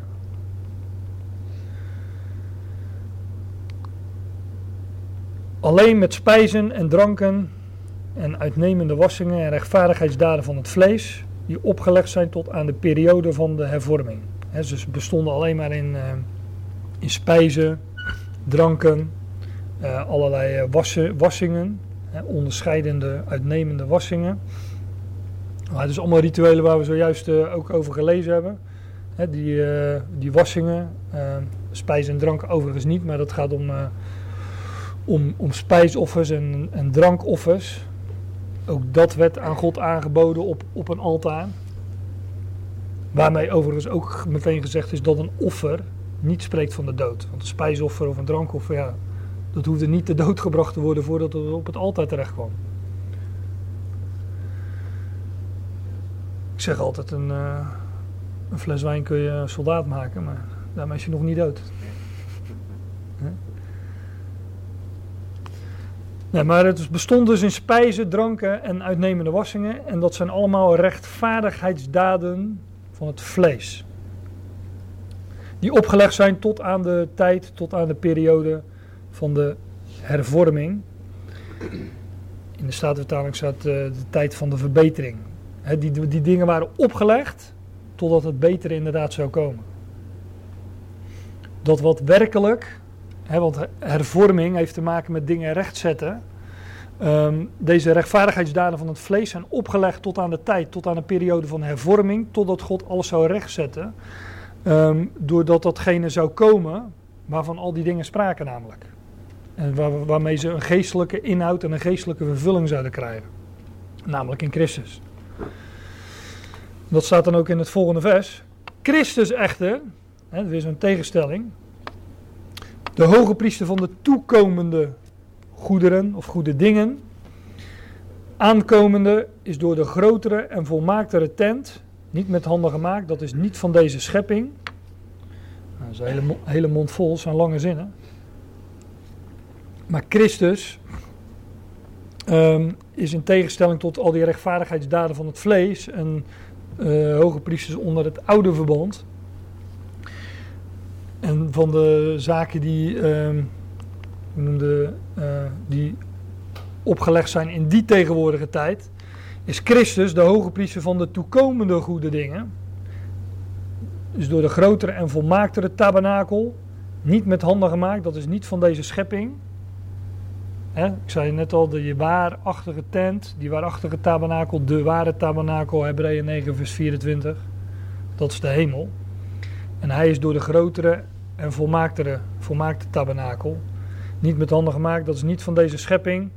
En hij is ook niet door het bloed van geitenbokken en kalveren, maar door zijn eigen bloed binnengekomen, kwam hij binnen.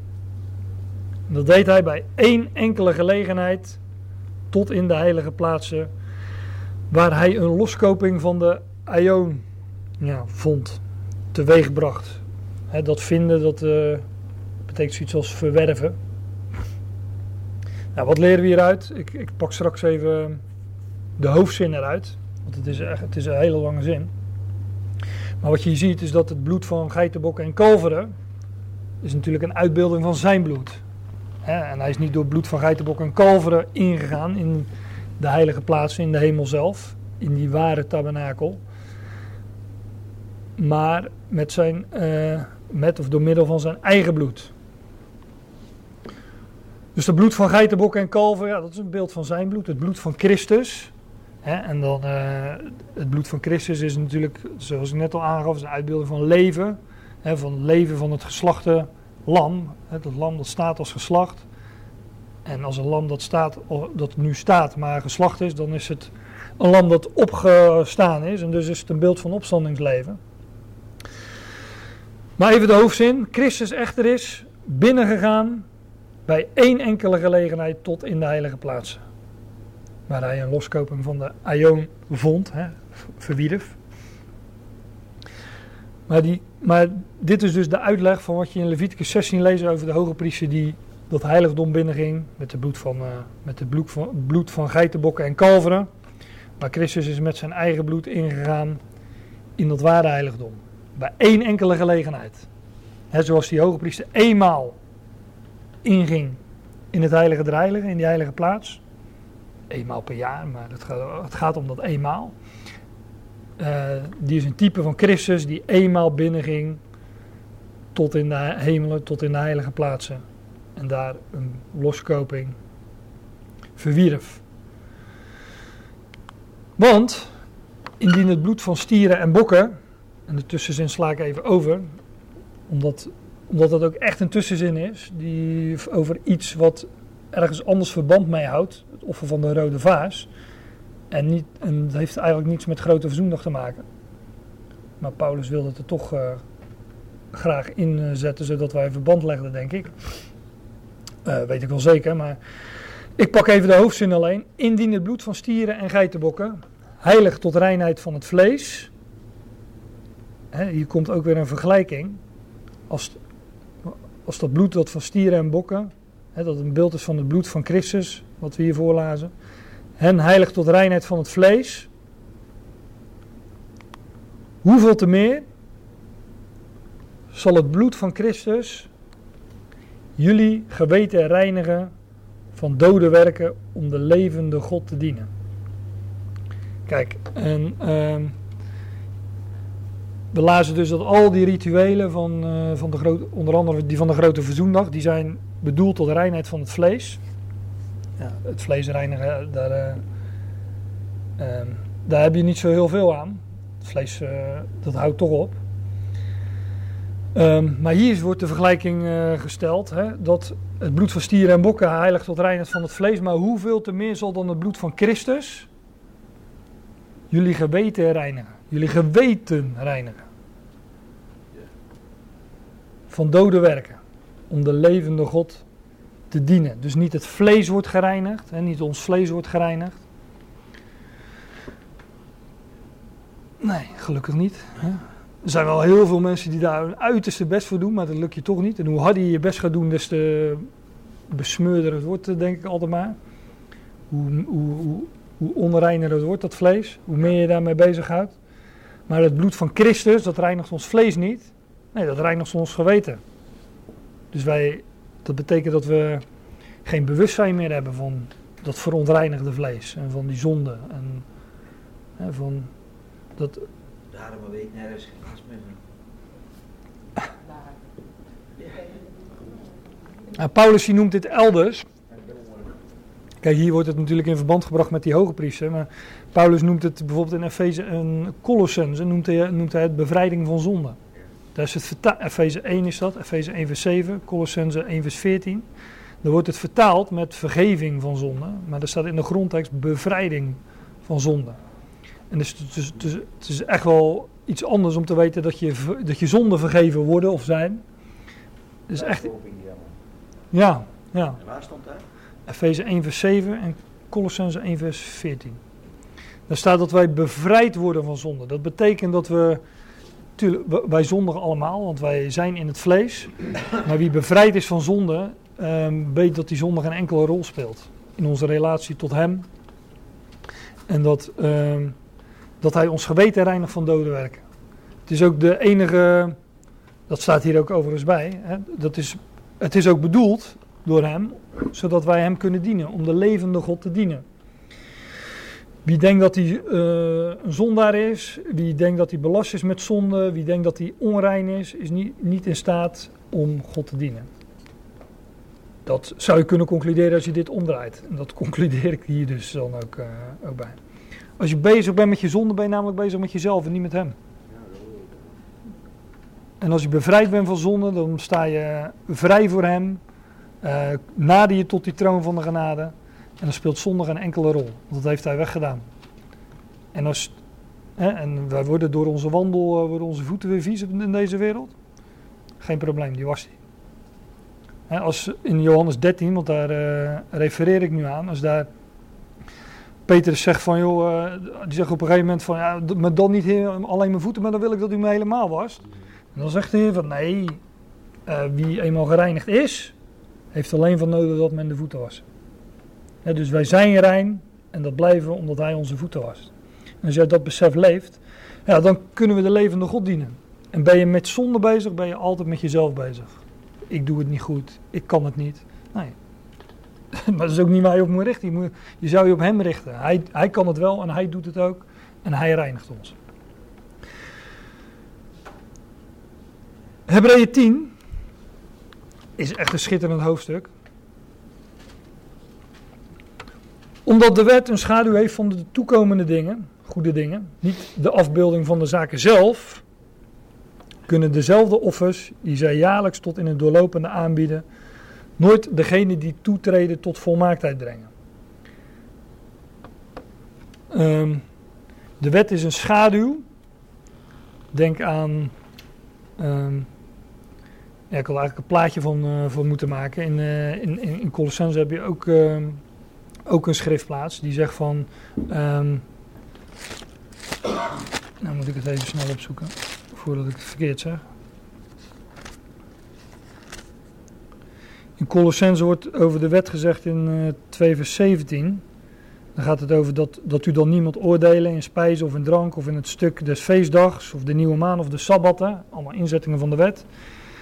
Er staat, die zijn een schaduw van toekomende dingen. En dan zegt Paulus in Colossense, maar het lichaam is van Christus. Hè? Als je een plaatje, ik zou al een plaatje moeten maken van, of moeten laten zien van een man, bijvoorbeeld, of een vrouw, waarop het licht valt en dan zie je op de grond een schaduw.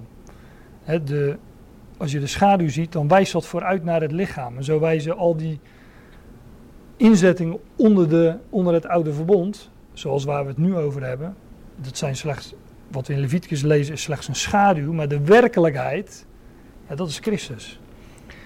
En dat staat hier ook, omdat de wet een schaduw heeft van toekomende goede dingen. Het is slechts duister in zichzelf, het is, maar, het, is maar, het is slechts een schaduw.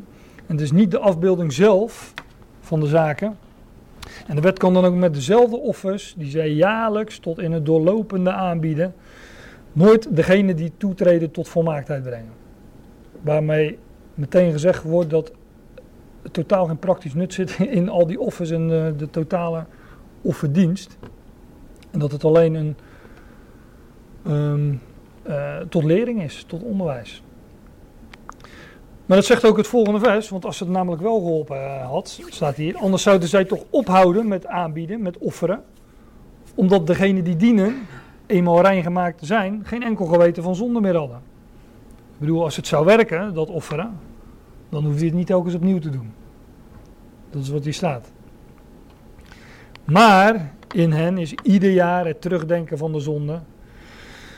Want het is onmogelijk om met het bloed van stieren en geitenbokken zonde te verwijderen. Ja, dat kan dus niet. Maar waar het op vooruit wijst, ja, het bloed van Christus en zijn offer, ja, dat, dat, dat reinigt werkelijk. Daarom zegt hij, wanneer hij tot in de wereld binnenkomt, slachtoffer en offergave wil jij niet, een lichaam echter bereid jij toe voor mij. In de Statenvertaling staat hier elke keer netjes u. Maar ik heb me laten vertellen dat het Grieks geen eh, beleefdheidsvorm kent. Dus eh, net als de Engelsen, die zeggen ook gewoon you tegen God. Hm? Een urker ook? Ah, oh, nee, dan heb ik niks gezegd. Oké. Daarom zegt hij, wanneer hij tot in de wereld binnenkomt, slachtoffer en offergave wil jij niet, een lichaam echter bereid jij toe voor mij. En verder nog, in brandoffers en in een zondoffer heb jij geen welbehagen. God heeft helemaal geen welbehagen in die brandoffers en zondoffers op zich, maar wel in waar dat een beeld van is. Dan zei ik, hier is over, dit zijn overigens allemaal citaten uit, eh, uit de Tenach, uit het Oude Testament, waar de Messias aan het woord is. Hè? Dus Hebreeën, de schrijver van de Hebreeënbrief legt uit van ja, die ik, dat is, eh, dat is die hoge priester. En dat, dat vind je dus al in, eh, in, in de Tenach. In jullie Tenach Hebreeën, zegt de, schrijver eigenlijk. Dan zei ik, zie ik kom om jouw wil te doen, o God. Tussenzin sla ik even over. Zie ik kom om jouw wil te doen, o God. En we, dat zijn allemaal uitspraken van de hoge priester van Heer Jezus Christus na zijn opstanding. Het is een werk dat hij doet, het werk van de hoge priester na zijn opstanding, want hij doet dat vanuit, vanuit dat heiligdom, vanuit de hemel. Ik sla dan een paar versen over eh, in Hebreeën 10. Want we hebben nog wel een paar versen in Hebreeën 10 te gaan. Eh, en elke priester inderdaad staat dagelijks dienstverrichtende en vele malen dezelfde offers aan te bieden, die nooit de zonde rondom kunnen wegnemen. Al die priesters die de dienst deden in het heilige, eh, ze stonden dagelijks dienstverrichtende, vele malen dezelfde offers aan te bieden en die konden nooit de zonde wegnemen. Is een uitbeelding van het oude verbond. Dan komt weer de tegenstelling. Hij echter gaat na één offer voor de zonde aan te bieden, tot in het doorlopende zitten aan de rechterhand van God.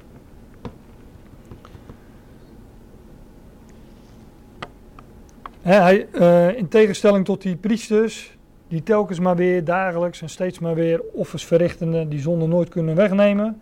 Nee, daar, in tegenstelling daarmee gaat hij echter na één offer door zijn leven aan te bieden aan, eh, aan God.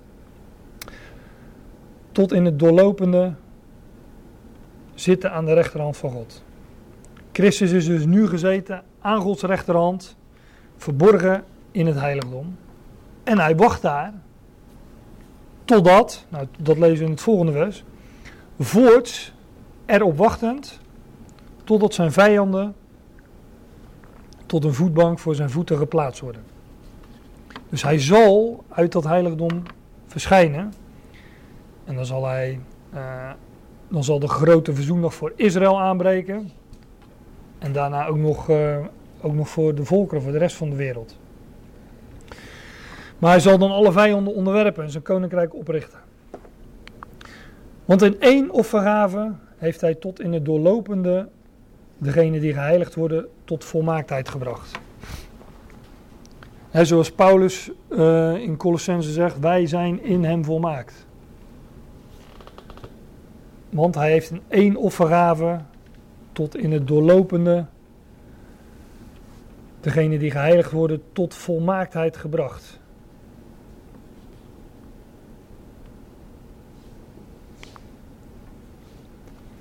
Nou, sla ik weer een paar versen over. En dan komen, ehm, als je het mij vraagt, tot, eh, tot een van de, ja, eigenlijk de grootste conclusie in de Hebreeënbrief. De conclusie van al het voorgaande en van eh, alles waarover eh, gesproken is ehm, met betrekking tot die, tot die grote verzoendag. En daar wordt dan in gezegd in vers 19, omdat wij dan broeders vrijmoedigheid hebben tot de intree van de heilige plaatsen in het bloed van Jezus.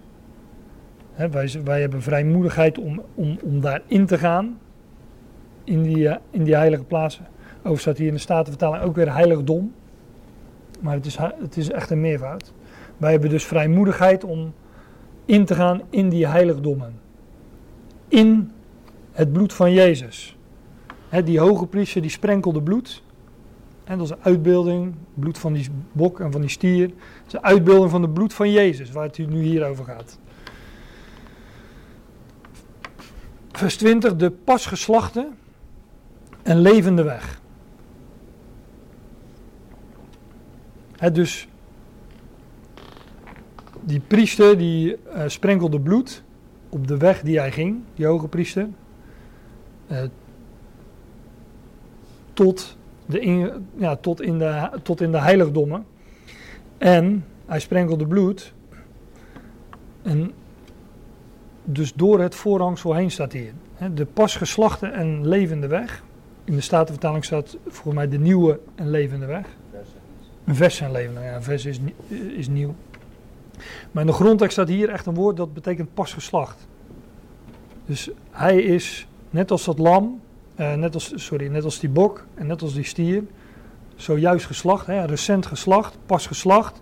En dat bloed van die offerdieren werd eh, in dat heiligdom gedragen, dat werd gesprenkeld door die hoge priester voor de ark van het verbond. Maar uit dit vers maak ik op dat hij eh, al voor het voorhangsel begon met het sprenkelen van het bloed. Een pas geslachte en levende weg maakte hij in het bloed, hè, wat een uitbeelding is van het bloed van Jezus, door het voorhangsel heen. Door het getij. Nou, wat hebben we dan? In het bloed van Jezus staat hier. En met dat bloed werd een pas geslachte, een nieuwe en levende weg gemaakt. En de Heer, de Jezus Christus heeft die ingewijd voor ons door het voorhangsel. Nou, dat sprenkelen van het bloed begon dus al voor het voorhangsel en ging er door, er doorheen. Dat zou je volgens mij niet opmaken als je Leviticus leest, maar dit is wel het commentaar van, eh, wat ik opmaak uit het commentaar van de Hebreeënbrief. Dus er werd gesprenkeld tot in het binnenste van het voorhangsel, dus eh, tot eh, ja, weer bij die ark van het verbond en op dat verzoendeksel, op die beschutplaats. Maar dat is dus een weg die begonnen is door het voorhangsel. En het is een weg van bloed. Dus die pas geslachte en levende weg. Waarbij overigens, laat ik nog even teruggaan, want we zoomen nu wat op dat vers eh, in. Waar wij dus vrijmoedigheid toe zouden hebben eh, om daar ook in te gaan. Hè, tot de intree van de heilige plaats. Omdat wij dan, broeders, vrijmoedigheid hebben, vers 19, tot de intree van de heilige plaats. In het bloed van Jezus. Wij zouden hem daarin volgen. Wij hebben vrijmoedigheid om daar ook in te gaan.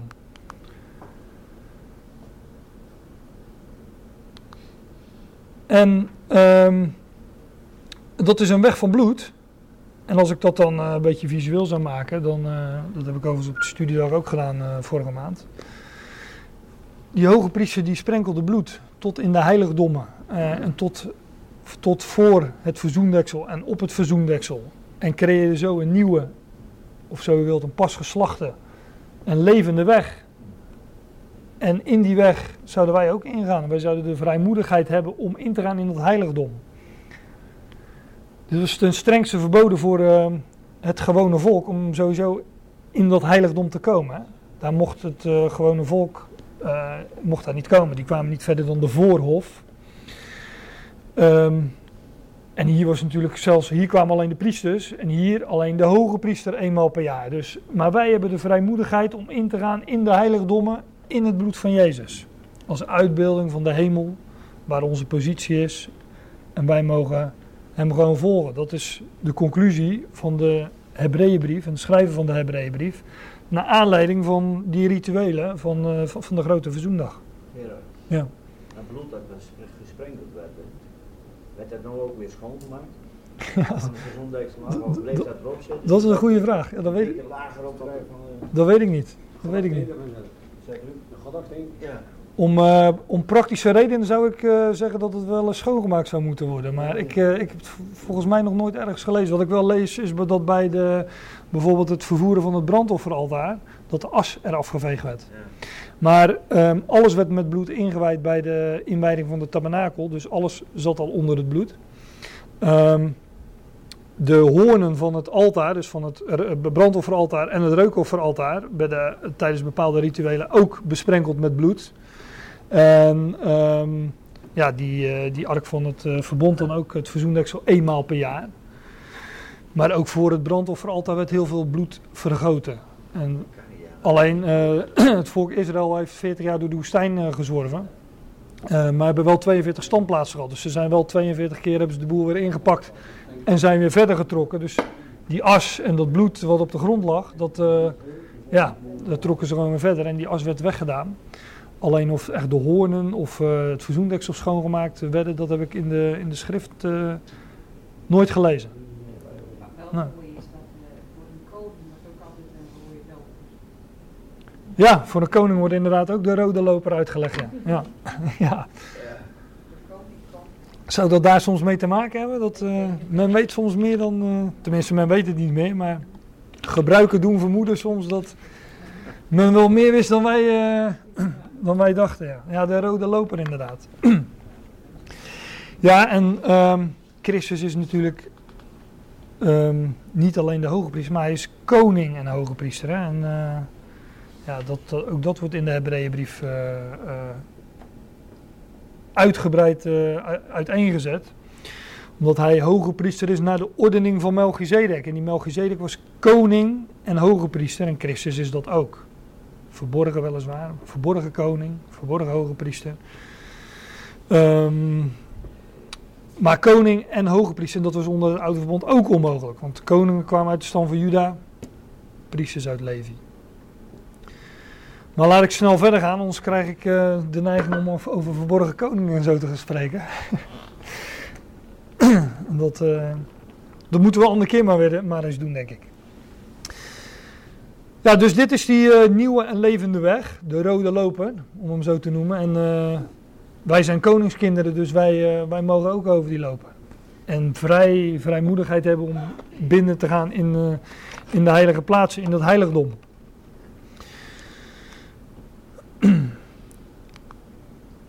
Even kijken, ja. Ehm, ja. De pas geslachte levende weg die hij voor ons inwijdt door het voorhangsel heen. En we hebben een grote priester, mega, een grote priester over het huis van de God. Nou, omdat wij dat hebben, laten wij toetreden met een waarachtig hart. Dat is een hart gevuld met de waarheid en op zoek naar de waarheid. En daar moet je soms voor spitten. Maar dat is de moeite waard. Laten wij toetreden met een waarachtig hart in de volle zekerheid van het geloof. Omdat wij hebben een geweten gereinigd van zonde. Dus eh, we zien niet op onszelf en we zien op hem en hij doet alles. Dus eh, kunnen wij volle zekerheid van geloof hebben. Met harten die besprenkeld zijn van een boosaardig, van een kwaad geweten. Dus ook onze harten, harten zijn gereinigd. Hè, zijn ook besprenkeld. Ook weer hier die, die, ehm, die beeldspraak. Onze harten zijn besprenkeld en gereinigd dus van een kwaad geweten, van een boosaardig geweten. En nog een, met een lichaam dat gebaat is, gewassen in rein water. Nou, precies zoals die priesters zich wasten voordat zij het heiligdom binnengingen. Zoals we in Leviticus 16 vers 4 lazen. Dus wij, ehm, ons geweten is gereinigd. Wij, hebben, wij, kunnen toetreden met een waarachtig hart. In volle zekerheid van het geloof. Want onze harten zijn besprenkeld. En gereinigd. Met een, eh, we hebben een lichaam dat gebaat is in rein water. En daardoor zijn wij in staat om, om hem te dienen. En wij mogen met vrijmoedigheid dat, dat heiligdom binnengaan. En hem achterna lopen waar de voorloper voor ons is ingegaan.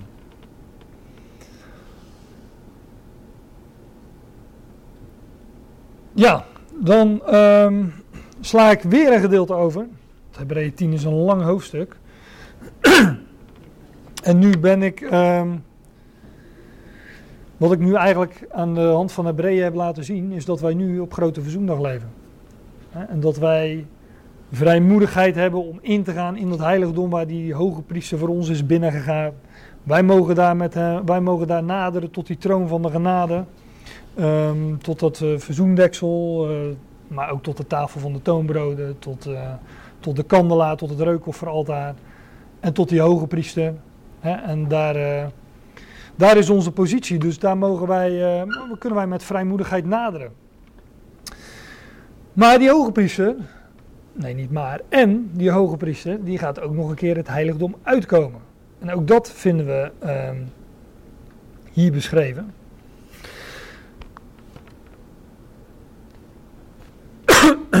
ja, er staat ook nog in vers 35 overigens, dat lees ik dan even hier vooruit de Statenvertaling. Werp, werp dan uw vrijmoedigheid niet weg. Vrijmoedig, welke vrijmoedigheid? Nou, om te naderen tot die troon van de genade, om ehm, in te gaan in, het heilig, in de heiligdommen, hè, in dat bloed van Jezus, om ook die weg te gaan, om hem te volgen, om daar je positie in te nemen, hoe je het ook wilt zeggen. Maar werp dan die vrijmoedigheid niet weg, want jullie hebben het verduren nodig. Leidzaamheid staat er in de Statenvertaling. Opdat jullie de wil van de Goddoende de belofte zouden ophalen. Want nog een heel, heel klein beetje, nog een zeer weinig tijd, staat in de Statenvertaling. En hij die komt, zal arriveren en hij zal niet lang uitblijven. In de beeldspraak van de tabernakel, van de grote verzoendag, van de hoge priester die ingegaan is in dat heiligdom, gaat het hier over hij die, de, hij die komt zal arriveren. Hij zal niet lang uitblijven over de hoge priester die naar buiten zal komen. Nog een zeer, nou, nog een heel, heel klein beetje en hij die komt zal arriveren en hij zal niet lang uitblijven. Deze term, hij die komt, letterlijk staat in het Grieks de komende. En dat is een term die vinden we nog een aantal keren in de schrift. Bijvoorbeeld hier. Johannes echter hoorde in de gevangenis de werken van Christus en zond twee van zijn leerlingen. En zei tot hem, ben jij degene die komt of moeten wij een ander verwachten? Ook hier weer.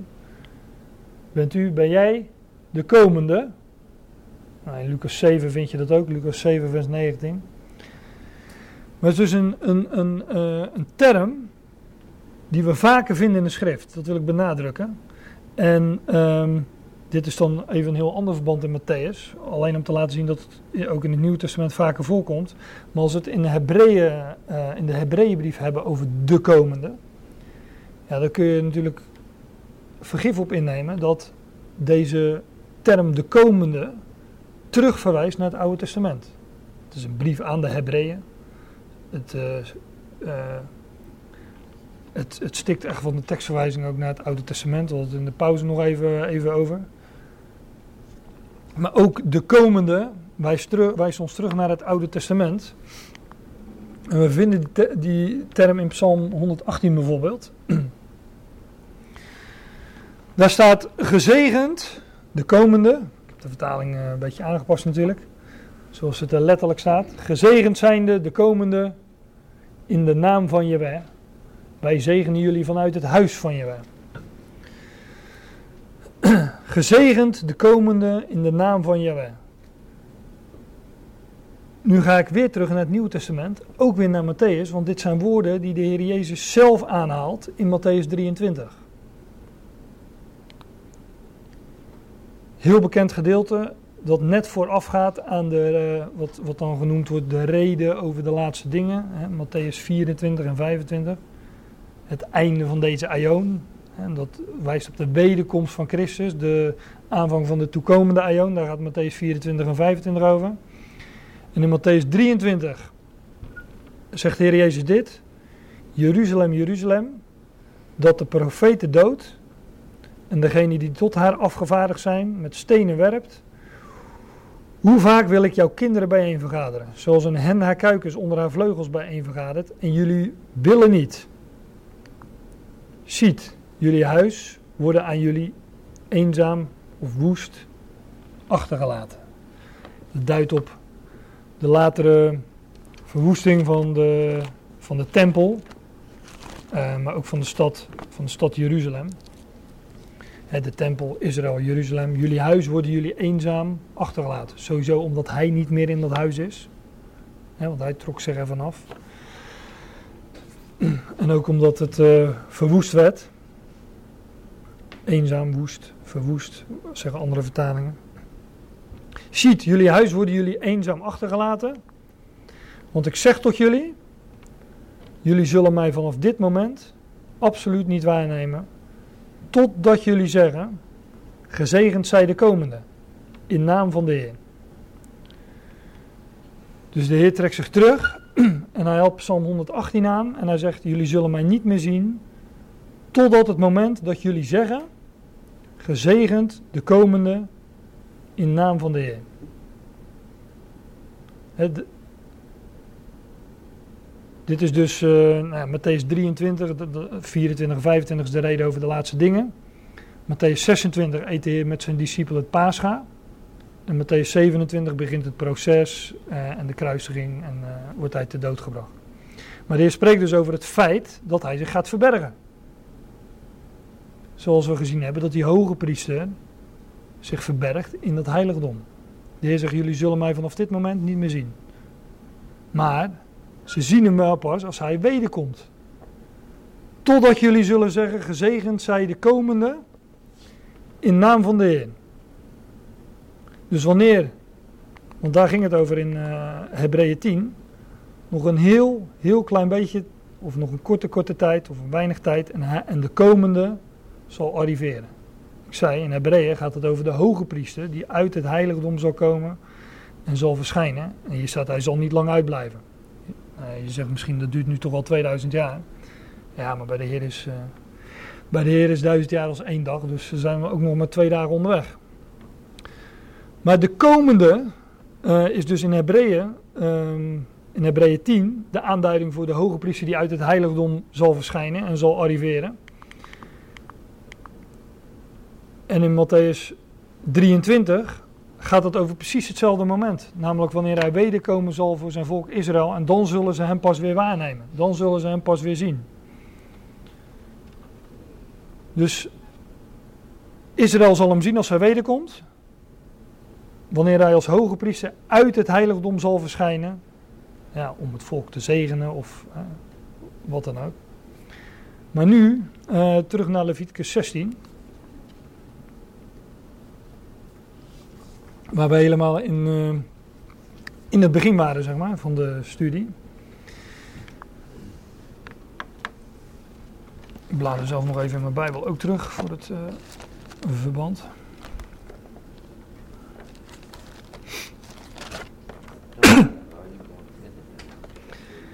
Geen mens, vers 17, zal in de tent der samenkomst zijn, de tent van de afspraak, wanneer hij daar binnenkomt. Nou, dat heb ik dus gezegd. Um, dat als de hoge priester in dat heilige der heilige dienst deed, dan kwam daar verder niemand. Al het werk werd gestopt. Want de Sabbat was aangebroken, de grote verzoendag. Geen mens zal in de tent van de afspraak zijn wanneer hij daar binnenkomt om in de heilige plaats beschutting te doen, totdat hij naar buiten komt. Totdat, jullie, jullie zullen mij niet meer zien, totdat jullie zeggen, gezegend zij de komende in de naam van Jehovah. He, en dan komt de hoge priester naar buiten. En wat gaat hij dan doen? In Leviticus 16. Wat doet de hoge priester uh, onder andere als hij naar buiten gaat? Het is een beeld van Christus die uit het heiligdom komt. Maar die weggaande bok zou de woestijn nog ingelaten worden. Die weggaande bok zou nog de woestijn ingestuurd worden. He, die harige geit. de harige geit waarop het lot voor de geit van vertrek gevallen is, zal men levend voor het aangezicht des Heren, voor het aangezicht van Yahweh doen staan. Om over hem een beschutting te maken en om hem als de geit van vertrek de wildernis in te zenden. Ik zei aan het begin ook, die geit van vertrek. Ja, dat valt dan net weg. Er staat Azazel. Aza, er hoort nog L achter, maar dat valt net weg op het scherm, zie ik. Um, dus er was een, uh, een, geit waarop het lot van, uh, van Jaweh viel. Hè, die werd geslacht en geofferd. En er was een bok die zou uh, als geit van vertrek, als Azaz, tot Azazel, de woestijn ingezonden worden. Nou, dan ga ik nog, voordat ik uitleggen wat ik, eh, wat, ik, wat ik denk wat er met Azazel bedoeld wordt, ehm, zal ik laten zien wat, eh, wat er verder staat in Leviticus 16. Ehm, ja, want eh, oké, de. Dat is een paar versen verder. Hij doet de levende harige geit naderen. Hè, nu, nu wordt er dus beschreven wat er met die, eh, met, met die overgebleven bok gebeurt. Aaron zal zijn twee handen ondersteunen op de kop van de levende harige geit. Wat raar Nederlands wat ondersteunen, maar de Statenvertaling zit volgens mij gewoon op zijn eh, kop leggen. Dat zal ook ongetwijfeld eh, zal ermee bedoeld worden. Ehm, Aaron zal zijn twee handen ondersteunen, leggen op de kop van de levendarige geit. En hij zal over hem alle, al de verdorvenheden van de zonen van Israël en al hun overtredingen tot al hun zonden beleiden. Die hoge priester is uit het heiligdom gekomen. En dan wordt er dus een eh, ritueel uitgevoerd met die harige geit, die bestemd was voor, eh, die, eh, voor de zonen van Israël. Dat staat er hier nog eens ook specifiek bij genoemd. En in vers 5 lazen we dat de, van de vergadering van de kinderen van Israël zal hij nemen twee geitenbokken. En ook hier, daar wordt dus gezegd dat het, dat het voor Israël is. En ook hier gaat het over Israël. Dus de verdorvenheden, de eh, overtredingen van het volk werden beleden en werden op, eh, als het ware op die harige geit gelegd. En hij zal die op de kop van de harige geit leggen en hij zal die geit wegzenden naar de wildernis, naar de woestijn. Nu heb ik ook wel eh, wat eh, rond zitten zoeken en zitten googlen op van wat voor betekenis men hier aan geeft. men zegt meestal, die eerste geit is een beeld van Christus en die tweede is een beeld van Satan. Ehm, als je gaat googlen bijvoorbeeld op Azazel, dan kom je ook allerlei eh, ehm, occulte dingen tegen. Eh, woestijndemon. eh, er zijn ook rare figuren in allerlei games die Azazel heten. dat soort dingen. maar die jarige geit, daar werden alle zonden en overtredingen op gelegd. En er staat in het vorige, volgende vers, die jarige geit zal al hun verdorvenheden, al hun overtredingen op zich dragen naar een ontoegankelijk land. En hij, de hoge priester, zal de harige geit in de wildernis wegzenden. Nou, Satan heeft onze zonde niet weggedragen naar een ontoegankelijk eh, land. En ook niet in. hij heeft niets opgelost, laten we het zo zeggen. Maar ik ken iemand die dat wel heeft gedaan. En dat is ook Christus. God zegt toch ook: Ik zal hun ongerecht. Want hier gaat het over Israël. Ik zal hun ongerecht, als het nieuwe verbond wordt gesloten, ik zal hun ongerechtigheden vergeven en hun zonden niet meer gedenken. Nee, die zijn in een ontoegankelijk land. Dus God zal niet meer aan die zonde denken. Zand erover, hè, beschut, beschutting, beschutplaats. En dat vinden we in Jeremia 31, hè, dat wat ik net zeg. Ik zal hun ongerechtigheden vergeven en hun uh, zonde niet meer gedenken. Maar dat wordt overigens ook aangehaald in Hebreeën. In Hebreeën 8. Die tweedigheid is dus ook Christus. Ik zei net al, uh, alles wijst op hem. De eerste geit, de tweede geit, alles wijst op hem. Alles in de tabernakel wijst ook op hem. Ook die harige geit is, die tweede geit is, is Christus. Um, ja, dan nog iets. Aaron heeft dus de overtreding en de zonde op die bok gelegd. Um, die geit zal weggezonden worden naar de, wil, naar de wildernis, naar de woestijn. In een ontoegankelijk land. Dus um, God, aan die zonde zal niet meer gedacht worden, want het is een ontoegankelijk land. En um, ja, die geit, die men zegt meestal, die, die, die, ja, die geit die zou uh, sterven daar in, uh, in die woestijn. Maar uh, dat is niet de, de essentie van het verhaal. De essentie van het verhaal is dat die geit vrijgelaten wordt. Wordt weggezonden. Ja, weliswaar in de woestijn. Maar wij zijn ook in de woestijn. Ik bedoel, deze, deze wereld is een woestijn. Wij zijn ook vrij. Hè? We zijn vrij in hem en we zijn in de woestijn. Dus wat dat betreft zou je dat eh, ook nog op ons toe kunnen passen. Maar ik lees nog even verder. Hij zal die geit wegzenden naar de woestijn, naar de wildernis, door de hand van een man die gereed staat. Nou, wie is die man? Volgens mij is dat eh, dezelfde als in Psalm 1. Hè? Welzalig, gelukkig is de man die niet wandelt in de raad van de goddelozen. Die man is ook Christus.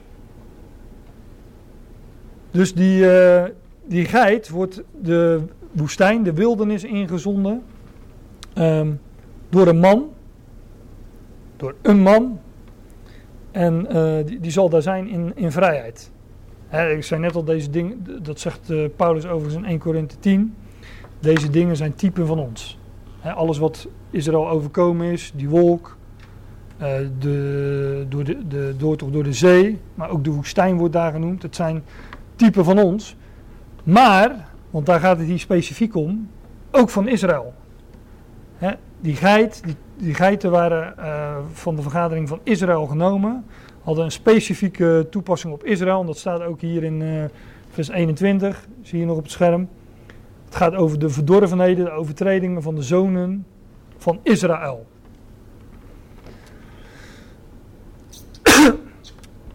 maar ook van Israël wordt gezegd dat ze door de Messias naar de woestijn gebracht zullen worden.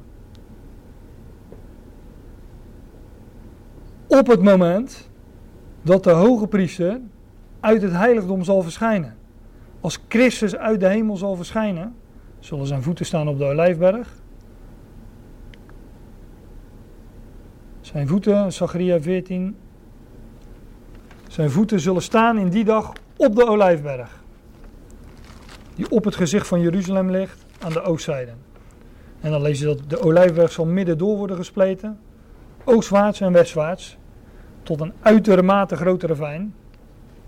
En de ene helft van de berg zal zich noordwaarts verwijderen en de andere helft zuidwaarts. Zijn voeten, die zullen staan op de olijfberg. Hè, zijn de voeten van de Messias, de Heer Jezus Christus. Of de man uit Leviticus 16, die de geit de woestijn in zou zenden. Het is, het is gewoon de hoge priester die uit het heiligdom zal komen. Christus die uit het heiligdom, uit de hemel zal verschijnen en zijn voeten zullen staan. In die dag, ja, welke dag is dat? De grote verzoendag voor Israël. In die dag zullen zijn voeten staan op de olijfberg.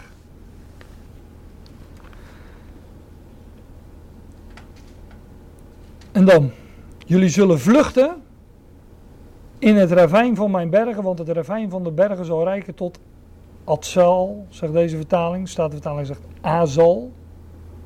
Uh, en BG zegt volgens mij ook iets als Azal. Heeft er iemand nog een andere vertaling? Ik heb de Racine, die zegt ook Azal. Azal, ja. Maar die hebben niet zo heel veel herzien hoor. Dus. maar Israël zal door de Messias, door hun Messias, geleid worden in de woestijn. In openbaring 12 vers 6 lezen we dat het een plaats is die van God is bereid. Men zegt dat Azal, dat het, uh, dat, dat betekent gereserveerde plaats. Of een afgezonderde plaats. Nou, um, dat Azazel, wat vertaald is met weggaande bok of uh, vertrekkende geit. Uh, dat betekent als je die, als, als je, als je, als je het vertaalt uh, in twee woorden, betekent dat inderdaad weggaande bok. Maar sommige vertalingen hebben Azazel ook laten staan. Volgens mij uh, de MBG ook, omdat het eigenlijk een woord is, één woord, wat je dus niet zou moeten vertalen. En dat het, omdat het wellicht een plaatsnaam is of, of wat dan ook. Nou, hier lees je dus dat Israël door de olijfberg die in tweeën scheurt, door een ravijn, uh, geleid zal worden tot Azal. In een plaats, haven God bereid, een gereserveerde, afgezonde plaats. En dat gebeurt op grote verzoendag. De grote verzoendag voor Israël. Als de hoge priester het heiligdom uitgekomen is. En hen zal leiden in de woestijn zoals die tweede bok, die tweede geit daar geleid wordt. Weggestuurd wordt, vrijgelaten wordt.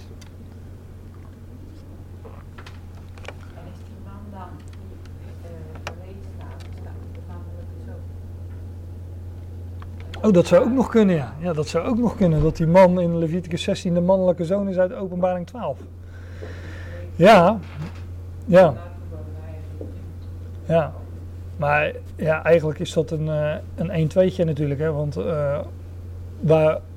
ehm, nee, want wij zijn, wij zijn zijn lichaam. Dus waar het hoofd is, zullen wij ook zijn. En zoals... ehm, Zoals, zoals Paulus in 1 Thessalonicense 4 zegt, van het moment van de wegrukking, ja, daarna, alzo zullen wij altijd met de, met de Heer wezen. Dus waar hij ook is, daar zullen wij ook zijn. Dus ja, inderdaad, daar zullen wij ook, eh, daar zullen wij ook bij betrokken worden. Ja. Ja. Eh, heb ik nog vijf minuten of... eh, Ja, ja? wat mij betreft wel. Oké. Niemand durft nu nee te zeggen. Oké. Gerard, is dit Israël of is dit Juda? Ja. Ehm, ja, Het gaat over een gelovig overblijfsel, hè? Mhm. Ja, dat klopt. Het gaat over een gelovig overblijfsel. Maar op dat moment zijn er alleen nog gelovigen.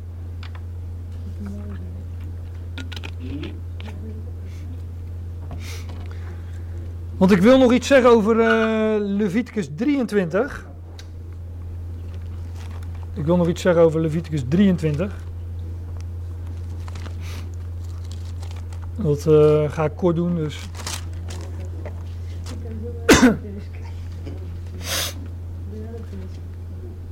Want het gaat. eh, we, hebben het nog niet, we hebben het nog niet gehad over de datum van Grote Verzoendag. Ja, die ligt eraan. Die heeft een datum. Details. En, nee, nee, ik heb geen details over de datum in de toekomst.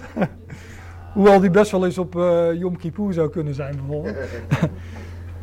maar de, de schrift geeft ons een, eh, geeft aanwijzingen waarop die, eh, die grote verzoendag ge- gevierd moest worden. En dat vind je in Leviticus 23. Ehm, ja, Leviticus 23.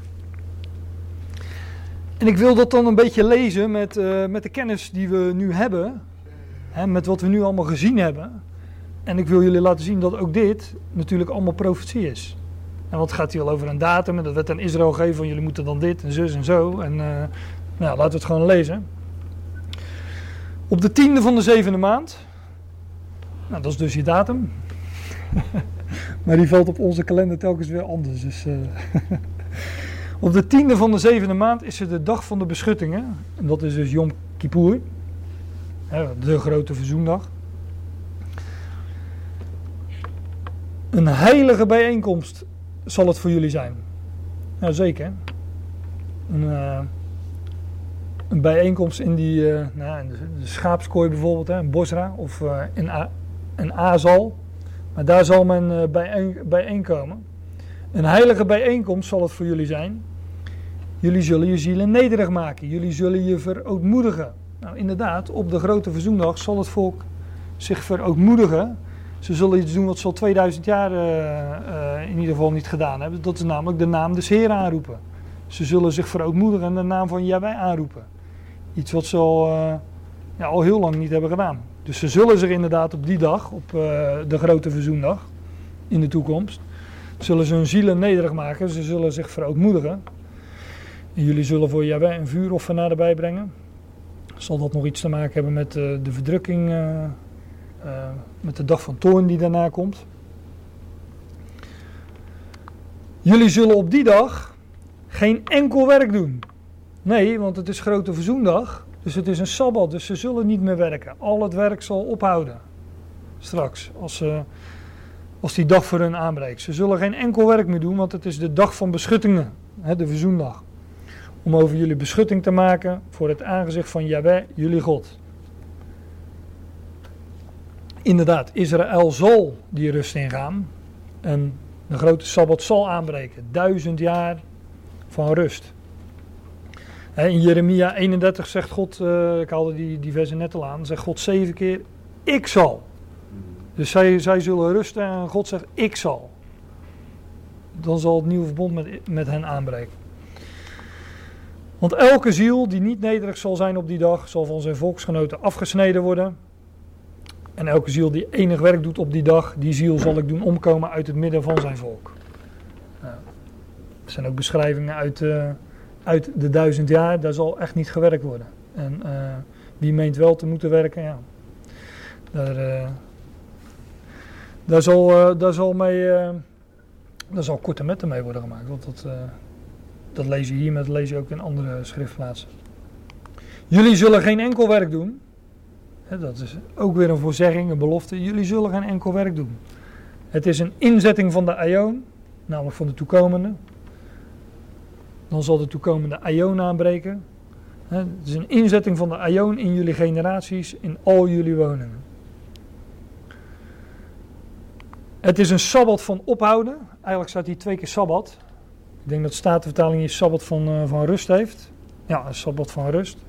Maar er wordt twee keer dat woord sabbat gebruikt. Als werkwoord en als eh, zelfstandig naamwoord. Sabbat van ophouden. Want sabbat betekent ophouden. Dan zal al het werk gestaakt worden. Nou, nogmaals, jullie zullen jullie zielen nederig maken. Op de negende van de maand, in de avond, van de avond tot aan de avond, zullen jullie ophouden, rusten voor jullie sabbat.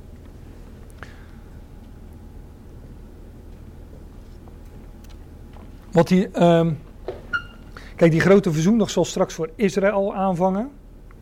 En later, daarna, dan zullen, zal Christus zijn koninkrijk over heel de aarde eh, vestigen. Alle vijanden zullen onder zijn voeten gesteld worden. Maar de Sabbatdag, dat lezen we hier ook, die begint voor Israël eerder dan voor de volken. Een normale dag begint s ochtends bij zonsopgang. Vroeger hebben mijn ouders mij wel eens geprobeerd wijs te maken dat hij om 12 uur s'nachts uh, begon. Daar was ik het niet mee eens. En nu nog steeds niet. Maar ehm, ja, ja, daar zit wel heel veel. Ja. Maar hier lezen we dat de Sabbat, dus de zaterdag, hè, want daar gaat het over, dat die eerder begint voor Israël, die Sabbatdag, dan voor de rest van de wereld. Namelijk op vrijdagavond. In de avond van de negende zou die grote verzoendag al beginnen. Ook typologisch betekent dat dat grote verzoendag voor Israël eerder aanvangt dan voor de volkeren. De Sabbat voor Israël zal eerder aanbreken dan voor de volkeren. En ehm, grote verzoendag dus ook, want dat is een Sabbat. Nu wil ik nog, ehm, ehm, straks zal ik nog even een, eh, een, een, een, eh, schemaatje laten zien. Nog één dingetje over die datum en dan stop ik er echt mee. In Exodus 12 gaat het over een andere feestdag. Ehm, gaat het over het slachten van het paaslam enzovoorts. Hè, het bloedstrijken aan die deurposten, dat bij de uittocht uit Egypte.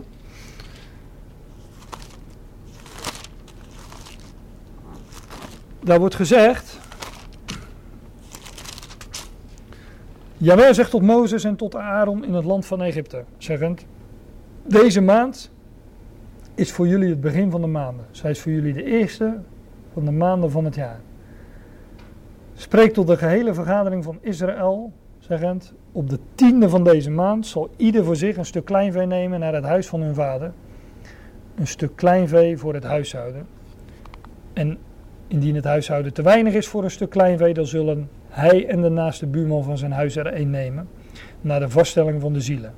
Jullie zullen bij het stuk kleinvee vaststellen naar ieders eten. Een onberispelijk, mannelijk, eenjarig stuk kleinvee zullen jullie nemen. Jullie zullen dit nemen van de, van de lammeren, van de mannetjeslammeren of van de geiten. Dus hier gaat het over het slachten van het paaslam. Ehm, maar in vers 3 staat dat op de tiende van die maand dat lam in huis genomen zou worden. Op de tiende van de maand. Op de... We lazen, ehm, maar dat is de tiende van de. eh, ja, ja. Maar dit is de tiende van de eerste maand. Dit is de tiende van de eerste maand. Eh, en de grote verzoendag, waar stond dat?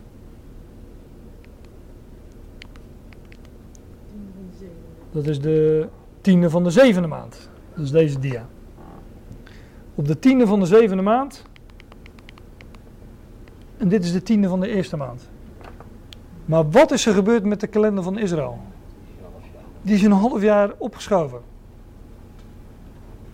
Dus het in huis nemen van het paaslam, wat je vindt in Exodus, dat is het typologisch het beeld uit de Heer Jezus Christus die in het huis kwam, in het huis Israëls, valt dus, nou ja, het is dat de kalender verschoven is, maar het valt dus eigenlijk op dezelfde dag als de grote verzoendag. Als het moment dat de hoge priester niet in het huis van Israël ging, maar zich verborg in het, ja, in het huis Gods, in de tabernakel. In, eh, en dus die, in de hemel. Dat is mooi, die overeenkomsten daartussen.